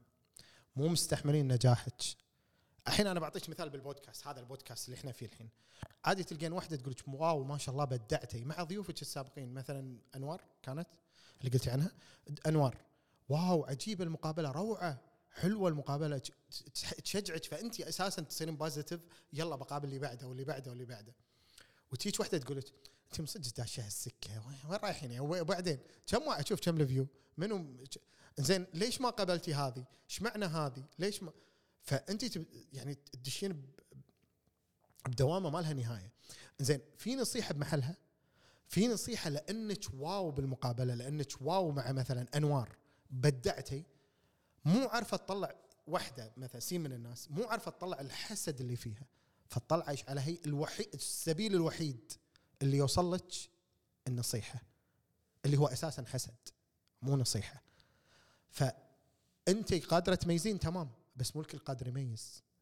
أنا أعيد وأقول لك في نصايح تفيدنا كلنا. ماكو أحد ترى وصل كمال. كلنا محتاجين إن أحد يقول لنا ترى في طريق هني أفضل في شيء أح بس من منو؟ أنا ما أقبل من نصيحة صراحة أنا أتكلم عن نفسي. أنا ما أقبل من نصيحة واحد أقل مني وايد ومو عارف وين الله قاطه. أنت شلون بتنصحني أنا؟ يعني أعطيك مثال الحين مثلا مثلا. يجيني واحد ال followers ملوته أنا ما أحب أتكلم بأرقام بس هالموضوع يتطلب الموضوع يتطلب. ال followers ملوته ألف عدد ال followers ألف. بيقول لي أقول لك نصيحة تزيد عدد ال followers ملوتك؟ ما راح أسمعك أنت مو قادر تزيد ملوتك. شلون أسمعك؟ يعني نصيحتك مو بمحلها. ويمكن قصده يمكن قصده إنه بيطيحك بس بطريقة ثانية ويمكن قصده حسد. على فكرة لو تكون لو يكون حاسد أي إنسان لو يكون حاسد ماكو واحد يقول شوفي أنا حاسدك بس بقول لك نصيحة. ماكو واحد يبلش مقدمة كذي بتجيك نصيحة ترى من حبنا لك بنقول لك هالنصيحة بس هو مو حابك ولا ولا يطيق. آسف بس هذا الوضع الصجي يعني. فمو من أي احد يتقبل نصيحة. وبصراحة من 99.9 ما تقبل نصيحة. أتقبل نصيحة من واحد أنا أروح أقول له. إيش رأيك؟ أنا أنا يعني مثلا لو أنت تبين نصيحة مثلا تروحين حق شخص أنت تبينه وأنت تثقين فيه وأنت حاسة إن هذا واو فكريا أنت تروحين تقولي له إيش رأيك بهالبودكاست؟ أنا كني قلت هالكلمة إيش رأيك؟ هذه تمشي ولا لا؟ تحس إنها قوية ولا نمسحها ولا ما نمسحها؟ كلمة واحدة انقالت بالبودكاست. أنا مو مقتنعه فيها. وأنا أنا يا حنان أنا قلتها. أنت الحين على ثقتك بهالشخص الثقيل بالنسبة لك فكريا ممكن يقول لا عادي. لا لا لا, لا انت مكبره الموضوع. عادي قلت قلت تتقبلها منك الناس.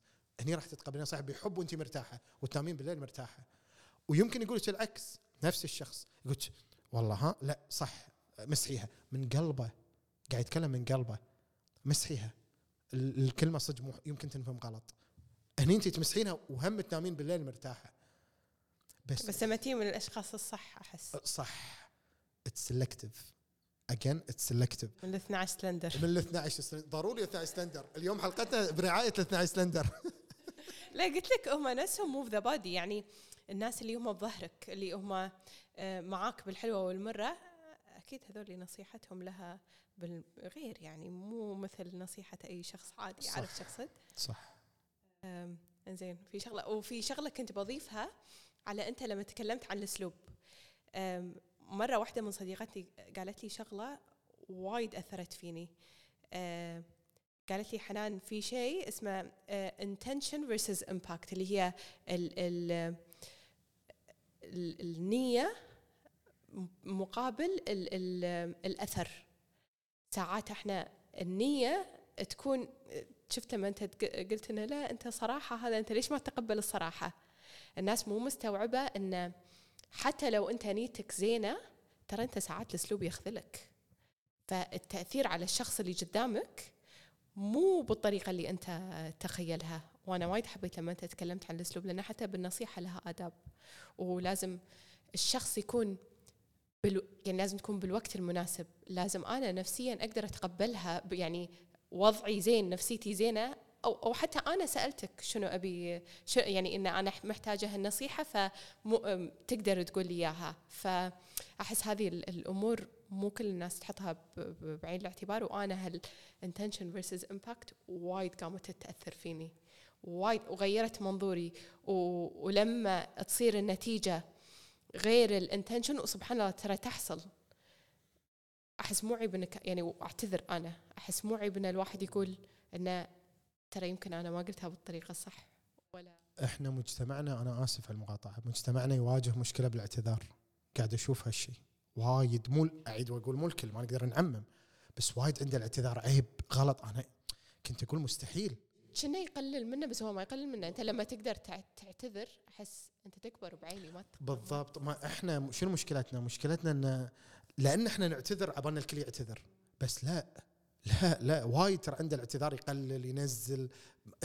منو أنت أعتذر لك؟ أنت ما أنت إذا اعتذرت على غلطك تكبر مو بس بعيني تكبر بعين اللي قاعد يشوفون غلطك وشافوا اعتذارك. تكبر بعين الكل مو بعين واحد معين.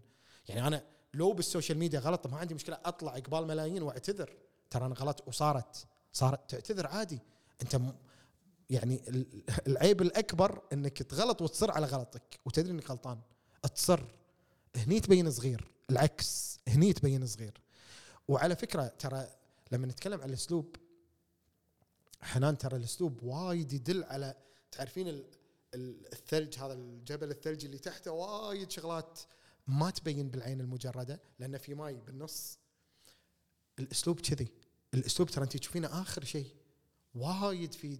يعني مثلا أي واحد عنده أسلوب يدل على عمق بشخصيته تتأملين فيه. يعني أنا واحد يقعد يمي خصوصا إذا ما أعرفه وأشوف عنده أسلوب أتأمل بشخصيته. أخ لأنه نادر نادر إنسان شيء عنده عمق. الأسلوب يدل على عمق. الأسلوب يدل على تفكير.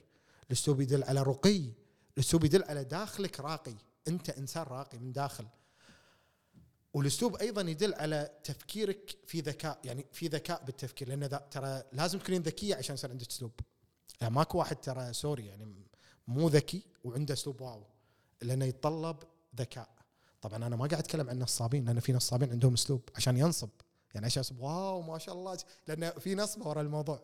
لا أنا قاعد أتكلم على الراقي الصجي لأن أكو صجي أكو مو صجي حتى بالأسلوب. زين فلما نيجي على هذا اللي عنده أسلوب راح تلاحظين دائما دائما اللي عنده أسلوب في في صفة ثانية الوضوح. واضح.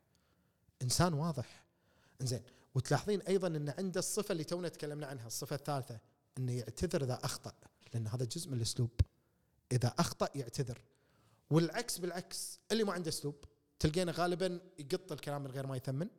ولما يقط الكلام وتقولي له ما يخالف ترى أنت جرحتني. أنت قلت كلمه يعني اي أو يو اعتذار. لازم تعتذر لي. لا والله ما غلط. ما غلطت أنا. شو ما عنده أسلوب. في وقاحة بالردود ما يعتذر. هذا اللي أقول لك package سبحان اللي عنده اسلوب package دائما لاحظيهم انت لاحظي حتى رفيجاتك والمعارفك اللي عنده اسلوب يا package والإنسان اللي تشوفينه وايد أنت شلون صرت كذي؟ package بعد. مو مو صفة واحدة راح تلاحظين. يعني حتى الحين فكرة هذا الشخص اللي ما تحبينها ببالك راح عندها 1 2 3 مو 1 يعني هي مو بس مو واضحة مو بس ما عندها اسلوب بعد عندها 1 2 3 4 كذي. package وهذا اللي أقول لك أنا إذا لاحظت ليش قلت لك قمت أقطع على طول؟ لأن قمت أصيد الباكج من أول شيء، يعني ما عندك سوب آه عرفت إنه راح يصير. راح أكتشف مع الأيام عندك 1 2 3 أقص. قبل لا أصيد قبل لا أكتشف. والعكس بالعكس. بالضبط. زين في شغلة بسألها. وأنت تمر بالصدمات هذه شنو الشيء اللي كان يعني يخليك تتخطى الصدمات هذه؟ والله والله أول شيء أول شيء حبيت my new version أول شيء. وحسيت إن هذه الصدمات يا راح تطيحني يا راح تصنع شخص وايد قوي. لأن هالصدمات ترى عادي تطيح يعني أنا أعيد again أنا أشوف مراجعين وأشوف مراجعين منصدمين بوقت صدماتي يعني. وأنا بالصدمة يقول لي أنا مريت بصدمة وأنا مصدوم إحنا مصدومين. زين بس شفت مراجعين يطيحون. شفت يطيحون يطيحون يعني. شفت يطيح من طوله شفت يطيحون مستشفى شفت يطيح شفت شفت يعني. لأن الصدمة متعبة مرهقة. إذا ما طحت شخصيتك وايد راح تصير أقوى. طبعا إذا تعلمت من الصدمة إحنا لازم نعرف إن وايد أشخاص الله يدزهم رسالة. هذه رسالة لك. إن أنت قلت ليش عندي إنسانة سيئة؟ ما هذه رسالة لك هذه مو إنسانة هذه رسالة. ليش هالانسانه قطت هالكلمة؟ غيرتك ولا لا؟ إذا غيرتك وصلت الرسالة. زين ما رب العالمين ما راح يدز لك قرآن بهالرسالة حقك بس راح يدز لك شخص يوصل لك نفس الرسالة بأسلوب ثاني. يمكن يكون أصعب بس ما يوصل إلا بهالأسلوب. إذا الرسالة هذه وصلت ماكو شخص ثاني يقدر يعورك بنفس الطريقة. ليش؟ لأنه وصلت رسالة عن طريق شخص وبشكل شخص بس هو رسالة. فأنا مؤمن بهالشيء عشان كذي ما أتعور. أنت تقول شلون؟ الحين ما أتعور. أنا تعورت تعورت. الحين صرت ضد الصدمات. عارفين لما تصير ضد الصدمات؟ ماكو شيء يعورني. الحين ماكو شيء يعورني. أول شيء لأن عارف شنو قبالي وقمت أحلل ودائما تحليلي صح يعني. وأربط الخيوط ببعض وأصيد. أنا أوكي هذا يسوي واخره عنك أفضل. لأنه ممكن ممكن يعورك وأخره. زين إذا وصلنا هالمرحلة أنا قاعد أتكلم الحين اخترت ال- الناس اللي عنده أسلوب دخلتها الناس اللي ما عنده أسلوب طلعتها. فصار عندي وعي إن إذا ياني شخص ضايقني فجأة فجأة out of no ممكن ترى out of no يعني واحدة مثلا تروح عزيمة تقعد يمك واحدة out of no واحدة قاعدة يمك وتقط عليك كلمة أو تقط عليك كلام. أو ما تعرف تتكلم. يعني تحسين إن هذه متى تمشي. أو أنا هذه ليش قعدت يمي؟ زين إذا صار هالموقف أنا هني أعتبره رسالة. okay أول شيء راح أتذكر إن أنا وايد إنجزت إن طلعت وايد من من اللي هالأشكال برا. فأنا إنجزت سويت شيء يعني. هذه الحين قعدت قسرا ثاني شيء أتعلم شلون أتعامل معاهم. للحين ترى الإنسان يظل طول عمره يتعلم. النتيجة ماكو احد وصل العالمية بإنه خلاص أنا وصلت وانس انت ببالك انك وصلت انت طحت. لأنه ما يصير انت, طول عمرك لين الوفاه قاعد تتعلم. أنا لليوم أت- حتى من هالبودكاست أنا قاعد أتعلم معاك. إحنا قاعد نفيد بعض. أنت قاعد تفيديني وأنا قاعد أفيدك. بس قاعد أستفيد منك. حتى المعلومات اللي قلتيها أخ صح حلوة بطلتي بيبان بمخي. توك الحين من كلامك. تبطلت بيبان. حس استفادتي أكثر أنا. شفت بس حسيت إنه مفيد شيء مفيد. هذا الشيء شنو يسوي؟ إذا جاي شخص مرة ثانية اي صح هالمره هذا قصده ولا مو قصده؟ امباكت ولا يدش الموضوع. اللي بوصل لك إياه الحين انه إنه إذا جاي شخص فاجئني بتصرف لأن لليوم ما خلت الدنيا. يعني مست... يعني الحين شو ما راح أمر؟ يعني الحين ما راح كلنا راح نمر. أبشرك. أنا وأنت راح نمر. راح تمرين بصدمة. صغيرة كبيرة بتمرين. يعني أخ شلون صار شيء؟ راح هذه الجملة راح تقولينها. وأنا راح أقولها لأن الحياة مستمرة والناس مستمرين. الناس الزينة والشينة. إنزين إذا مر علي شخص وصدمني الأمانة يا إما راح أتعلم من هالصدمة وغير ان أتعلم أبي أعرف شلون أتعامل بالعكس الحين أنا أبي أعرف شلون أتعامل مع الناس اللي كذي اللي اللي يعني مثلا ما عنده أسلوب ما يعرف يتكلم. زين ما قطعته يا قاعد يمك وسولف. هو يقعد الحين أنت ما قطع مو سالفة تقطعه ولا لا هذا ما تعرفه. هذا ما تعرفه هذا يقعد يمك بمناسبة. يمكن بديوانية يمكن بقعدة مع الشباب يمكن بقهوة. أنا أتكلم إحنا كشباب يعني قاعدين بقهوة. قاعدين بديوانيه يا واحد جديد وقعد وقط قط كلمة تجرح قط كلمة تضايق قط كلمة شلون تتصرف معه؟ أنا شخصيا بأمانة بأمانة أول ما كنت أرد ما أستحي أرد ولا أخاف ولا الحين لازم ترد لأن إذا ما رديت شوف إذا ما رديت ليش أرد الحين؟ ليش شنو السبب خليني أرد؟ لأن إذا ما رديت ما أنام بالليل. اعرفها هذه بس ما عندي السرعة البديهيه اني أرد بشيء. لا بصراحة مو مو شرط أكون وقح معه بس راح أبين له حجمه وراح أقول الكلمة الصح عليه. يعني أقلها أقلها ممكن ان قط كلمة ما ما لأن نعيد ونقول مو كل الناس متربين نفسك ففي ناس يقط عليك كلمة أوف قنبلة. يعني هذه اللي بتاريخك ما راح تقطينها بتاريخك أنت من, من تعيشين حياتك كلها ما تق... لأن أنت متربية بس مو الكل متربي زين لما يقط علي على الأقل لا اسمعه أنا بالنسبة لي ما يطوف ما ما طوفها. يعني ممكن أتجاهل إذا حسيت الموقف يدعي, يدعي التجاهل إن هذا الإنسان وايد صغير إنك ترد عليه. بس غالبا غالبا الحين لا ما أقول كذي. ليش؟ لأن إذا قلت هذا وايد صغير ما أرد عليه ما راح أنام بالليل. راح أظل أنا ضايقني. يعني أنا راح أتضايق ما هو صدق ما رديت عليه. يمكن يكون تصرف صح. بس راح أتضايق وإذا تضايقت أنا ما نجحت بخطتي لأن أنا خطتي إني أعيش مرتاح. وهذا مو من ضمن الخطة إن هذا تضايقت الحين. يمكن ما راح أتضايق طول عمري يوم يومين بس ليش أظل متضايق اليوم. فشلون أحل كل هالدنيا؟ من أولها؟ ما, ما راح أفكر بصراحة بسرعة بديهه الموضوع مو كذي. قد كلمه راح يمكن يمكن راح أقول أسلوبك سوقي. أبين له إن أنت ما سبيته ما غلط عليه بس بينت له ترى أنت فئة يعني حاول شوي تشتغل مع نفسك.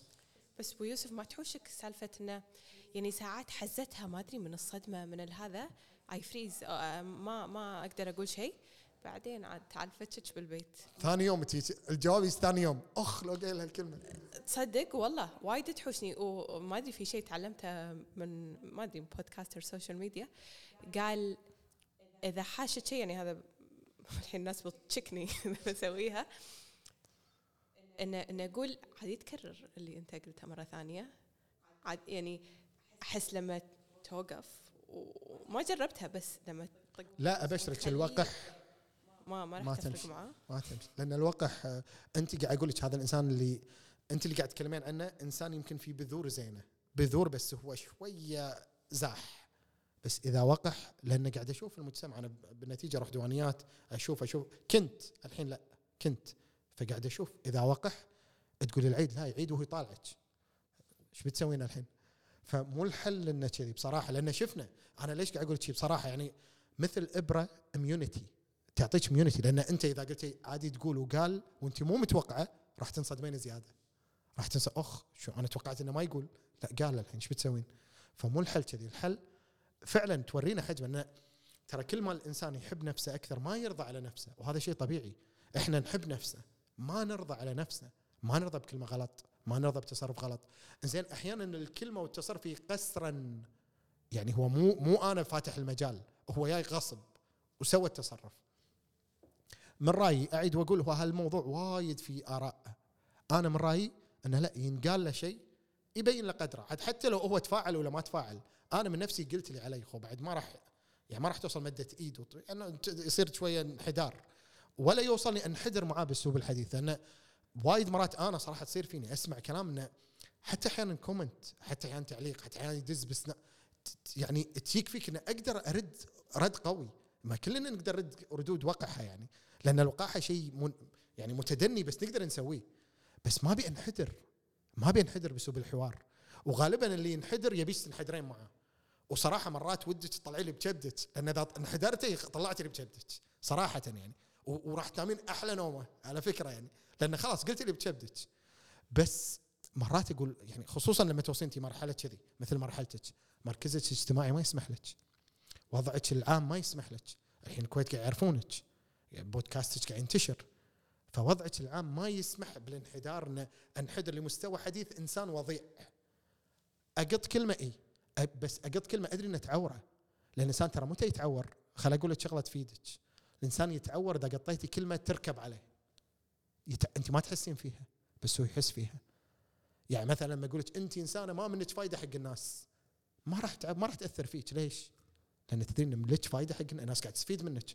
ما شاء الله بودكاستك مفيد. فالناس قاعد تستفيد. أنا لو قلت والله مو مفيد البودكاست. ما تعرفين هذا حاقد أو كاره؟ تعرفين إن كلامي ما له معنى فما يأثر ما يهزك. زين لو واحد مو مفيد حق ناس تقول أنت مو مفيد تعوره.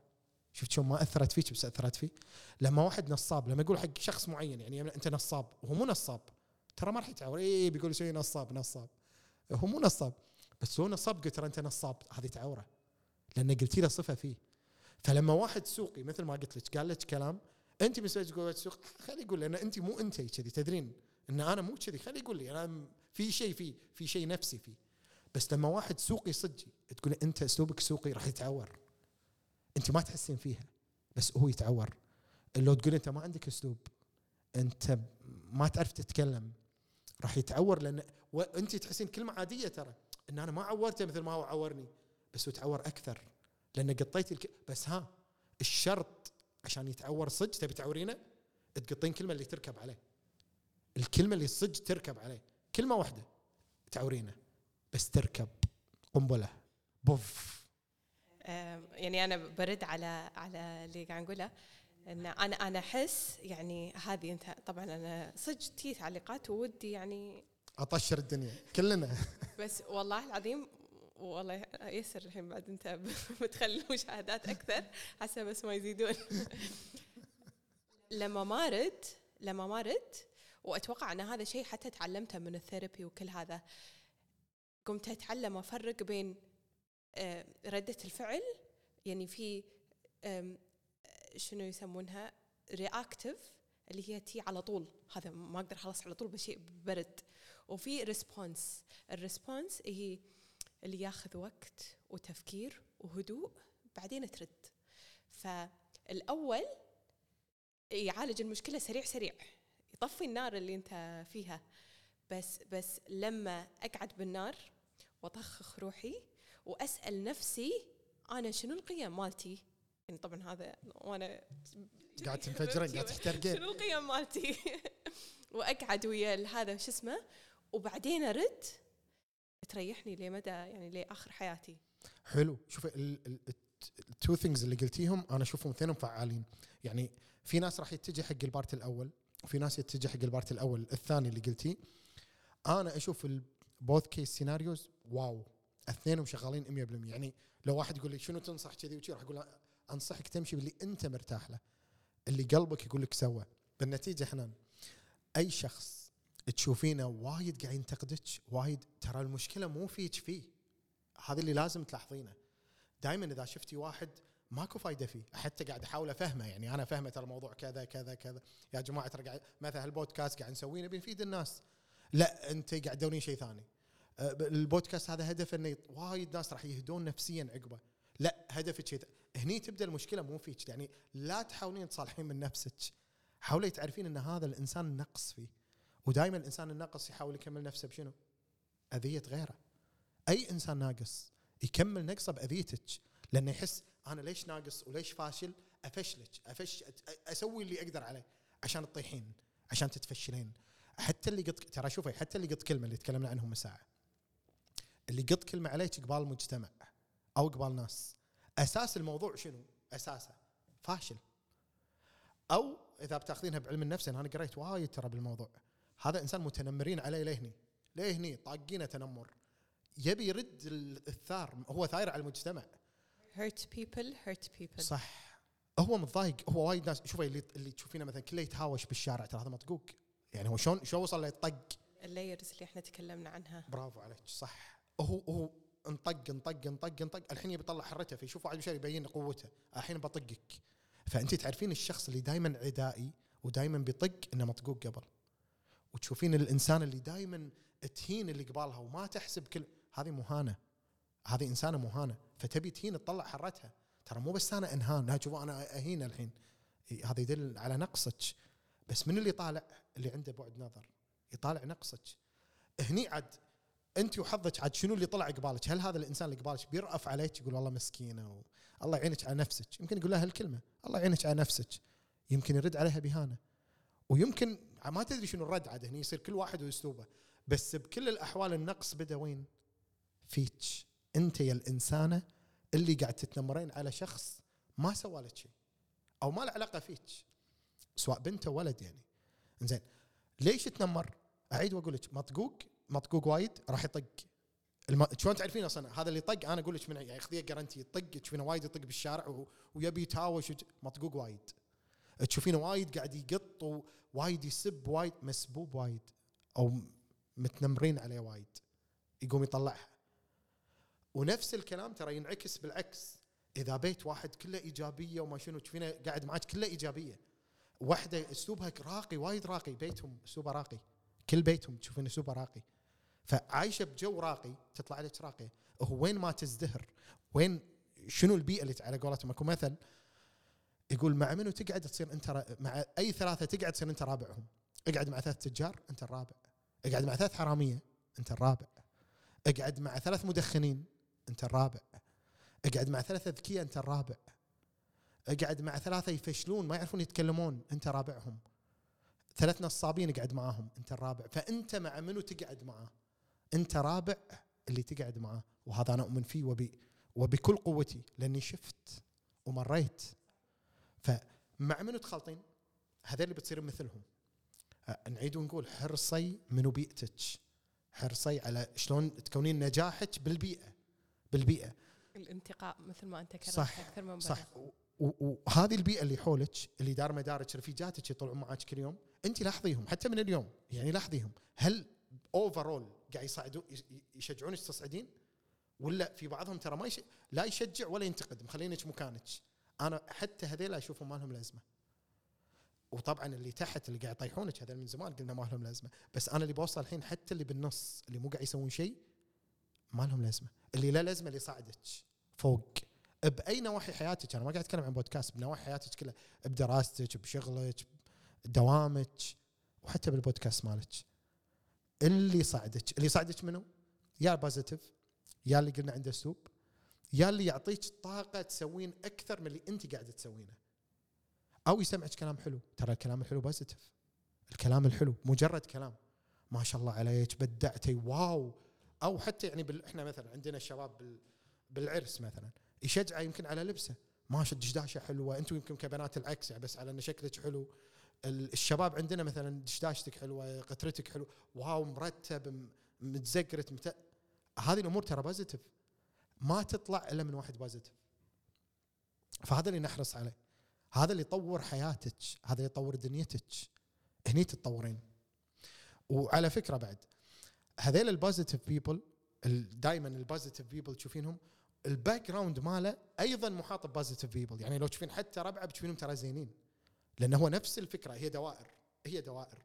فبتشوفين أخ هذه الدائرة مالته حلوة يعني حتى دائرته حلوة. إلا ما تلقين يمكن واحد اثنين مثلا بس من أصل عشرة زينين. من أصل عشرة. فالدائرة المحيطة وايد مهمة. دروس وقيم عظيمة أبو يوسف. والله ومنكم نستفيد. أنت قطيتي وايد شغلات أنا استفدت منها. لا والله الله يعطيك العافية. أه بس أنا بعد بس بسألك شغلة. في شيء اليوم تحس إن إحنا ما تكلمنا عنه أو ودك تغطيه؟ والله أنا أحس غطينا كل شيء تكلمنا عن كل شيء وأحس بصراحة بصراحة وايد مفيد هالبودكاست. أول مرة أنا أتكلم ترى بهالأريحية و- وبهالمواضيع بهالمواضيع لأن عادة كل بودكاستاتي تغذية رياضة صحة. أول مرة أتطرق إلى مواضيع تتعلق بالحياة العامة. أول مرة أتطرق مواضيع تت- تتعلق بالشخصية. وأول مرة أتكلم عن حياتي الشخصية. بس بأمانة وايد مستمتع. الحمد لله الحمد وايد. لله والله أنا مستمتعة معاك وايد وأحس لا أنت صرت أخوي علي. مو بس مو بس بيوسف والله العظيم يشرف. استفدت منك دروس وايد. وتعرف اللي يعني أنا أحس أدري الحين أنا برد أسمعها حتى وأنت تقول قاعد تخليني أراجع أراجع أراجع. أنا أنا هذا يعني أنا أعيش حق هذه ال- ال- النقاشات. وقلت لك أنا وايد حبيت إن أنت غيرت الفكرة إن العمق مو بس ترى مو بس حتى بالمصاعب أي تجربة الواحد يمر فيها. ف ما أدري عندك رسالة أخيرة ودك تقولها؟ أشكرك أول شيء وايد مشكور على هالبودكاست. والأمانة الأمانة مو هالبودكاست يعني أنا أنصح الناس اللي يشوفون البودكاست مالك يشوفون حتى بودكاستات اللي قبل. أنا شفتها أنا بطلت وشفت. أنت البودكاست مالتك مفيده وقاعد تنتقين الضيوف. أنا ترى هذا اللي شدني أول بودكاست شفته لك قاعد تنتقين. فانت شوفي ترى انت مساعد تقول ها لا بس انت قاعد تنتقين. وايد قاعد تنتقين. قاعد تنتقين ضيوف class ضيوف ما شاء الله عندهم عمق بالتفكير. فأنا أنصح حتى اللي يشوف بودكاستي هذا خلي يشوف البودكاستات الثانية اللي لتش لأنه راح يستفيد. هذه رسالتي الأخيرة. وايد وايد استانست وياك. أحس ترى لازم نعيدها بعدين. إي بعد فترة. والله نقول نقول معلومات يمكن نفتح أبواب ما فتحناها الحين لأن بال- بالنتيجة وايد في كلام ما ينقال ببودكاست واحد. إحنا فدنا إن شاء الله باللي نقدر عليه. تتكرر إن شاء الله بأبواب ثانية. تمام. وبقول لك شغلة أنا بعد بشكرك وايد على شجاعتك. أنا أدري إن أنت كنت قاعد تقول إن في أشياء ما قلتها من قبل بس بقول لك شيء أبو يوسف. يعني ترى الطبيب النفسي أنا شيء ما أخجل إنه حتى أنا أقول إن أنا رحت حق طبيب نفسي وساعدني وايد غير حياتي. وحتى مع صديقاتي وايد أنصحهم. ف يعني يعني ما أبي أحد يحس انه هو شيء يعني عرفت شخصية. إحنا للحين مجتمعنا شوي آه، مو متعود على هالفكرة هذه. أنا رحت حق خمسة حنان. أنا بدال الطبيب النفسي رحت حق خمسة. خمس اطباء نفسيين مو واحد. لا لا ابدا ابدا ابدا. بصراحة شوفي أول فترة يمكن كنت أستحي بس من الناس اللي قاعدين. ونفس الشيء ترى أنا ما قلت من قبل يعني بس أنا أحس إنه لا لا مو عيب ابدا. كنت أستحي أقول من الناس اللي قبل بعدين لا قمت أدق سوالف معاهم إيش التغذية شلونها معاك خلاص صرنا ربع حتى اللي قاعدين برا يعني. فمو بس مو عيب أنا أحس يفيدك يفيدك. فأنت شيء قاعد تستفيد منه ويطور من حياتك ويخفض ضغطك النفسي. ترى بقول نقطة أخيرة بس. مجرد قاعدين إحنا قاعدين. مجرد زيارتك للدكتور النفسي بروحه يخفف الضغط النفسي. مجرد الزيارة بغض النظر هو فادك ولا لا. يعني يعني أنا دكتوري قلت له انت عطيت حق الالمي اسم. وهذا نص الراحة جت من هالشيء. إنه هو أعطاه لقب. حسسني انه أنا يعني في شيء في هو مو بس كذي راندوم وأضيف عليك أنت قاعد تقول حق الناس انه آه، يطالعون الحلقات القديمة. مثل ما قلت لك الحلقة الأولى كانت ويا حلقة أمي. وهالفترة هذه كانت بداية علاجي. أظن واضح تغيير النفسية من الحلقة هو الأولى إلى اليوم. فيعني إذا الناس تبي تشوف ال- التغيير. لايف يعني. جو تشوفوا الأول حلقة وتشوفوا هذه. بالضبط. يعني أعطيهم حرية الاختيار على قولتهم. فبس ما قصرت شكراً. ومشكور وايد وجدا استمتعت وياك. شكرا جزيلا لكم. شكرا شكرا مرة حنان. ثانية إن شاء الله. قريبا إن شاء الله. شكرا.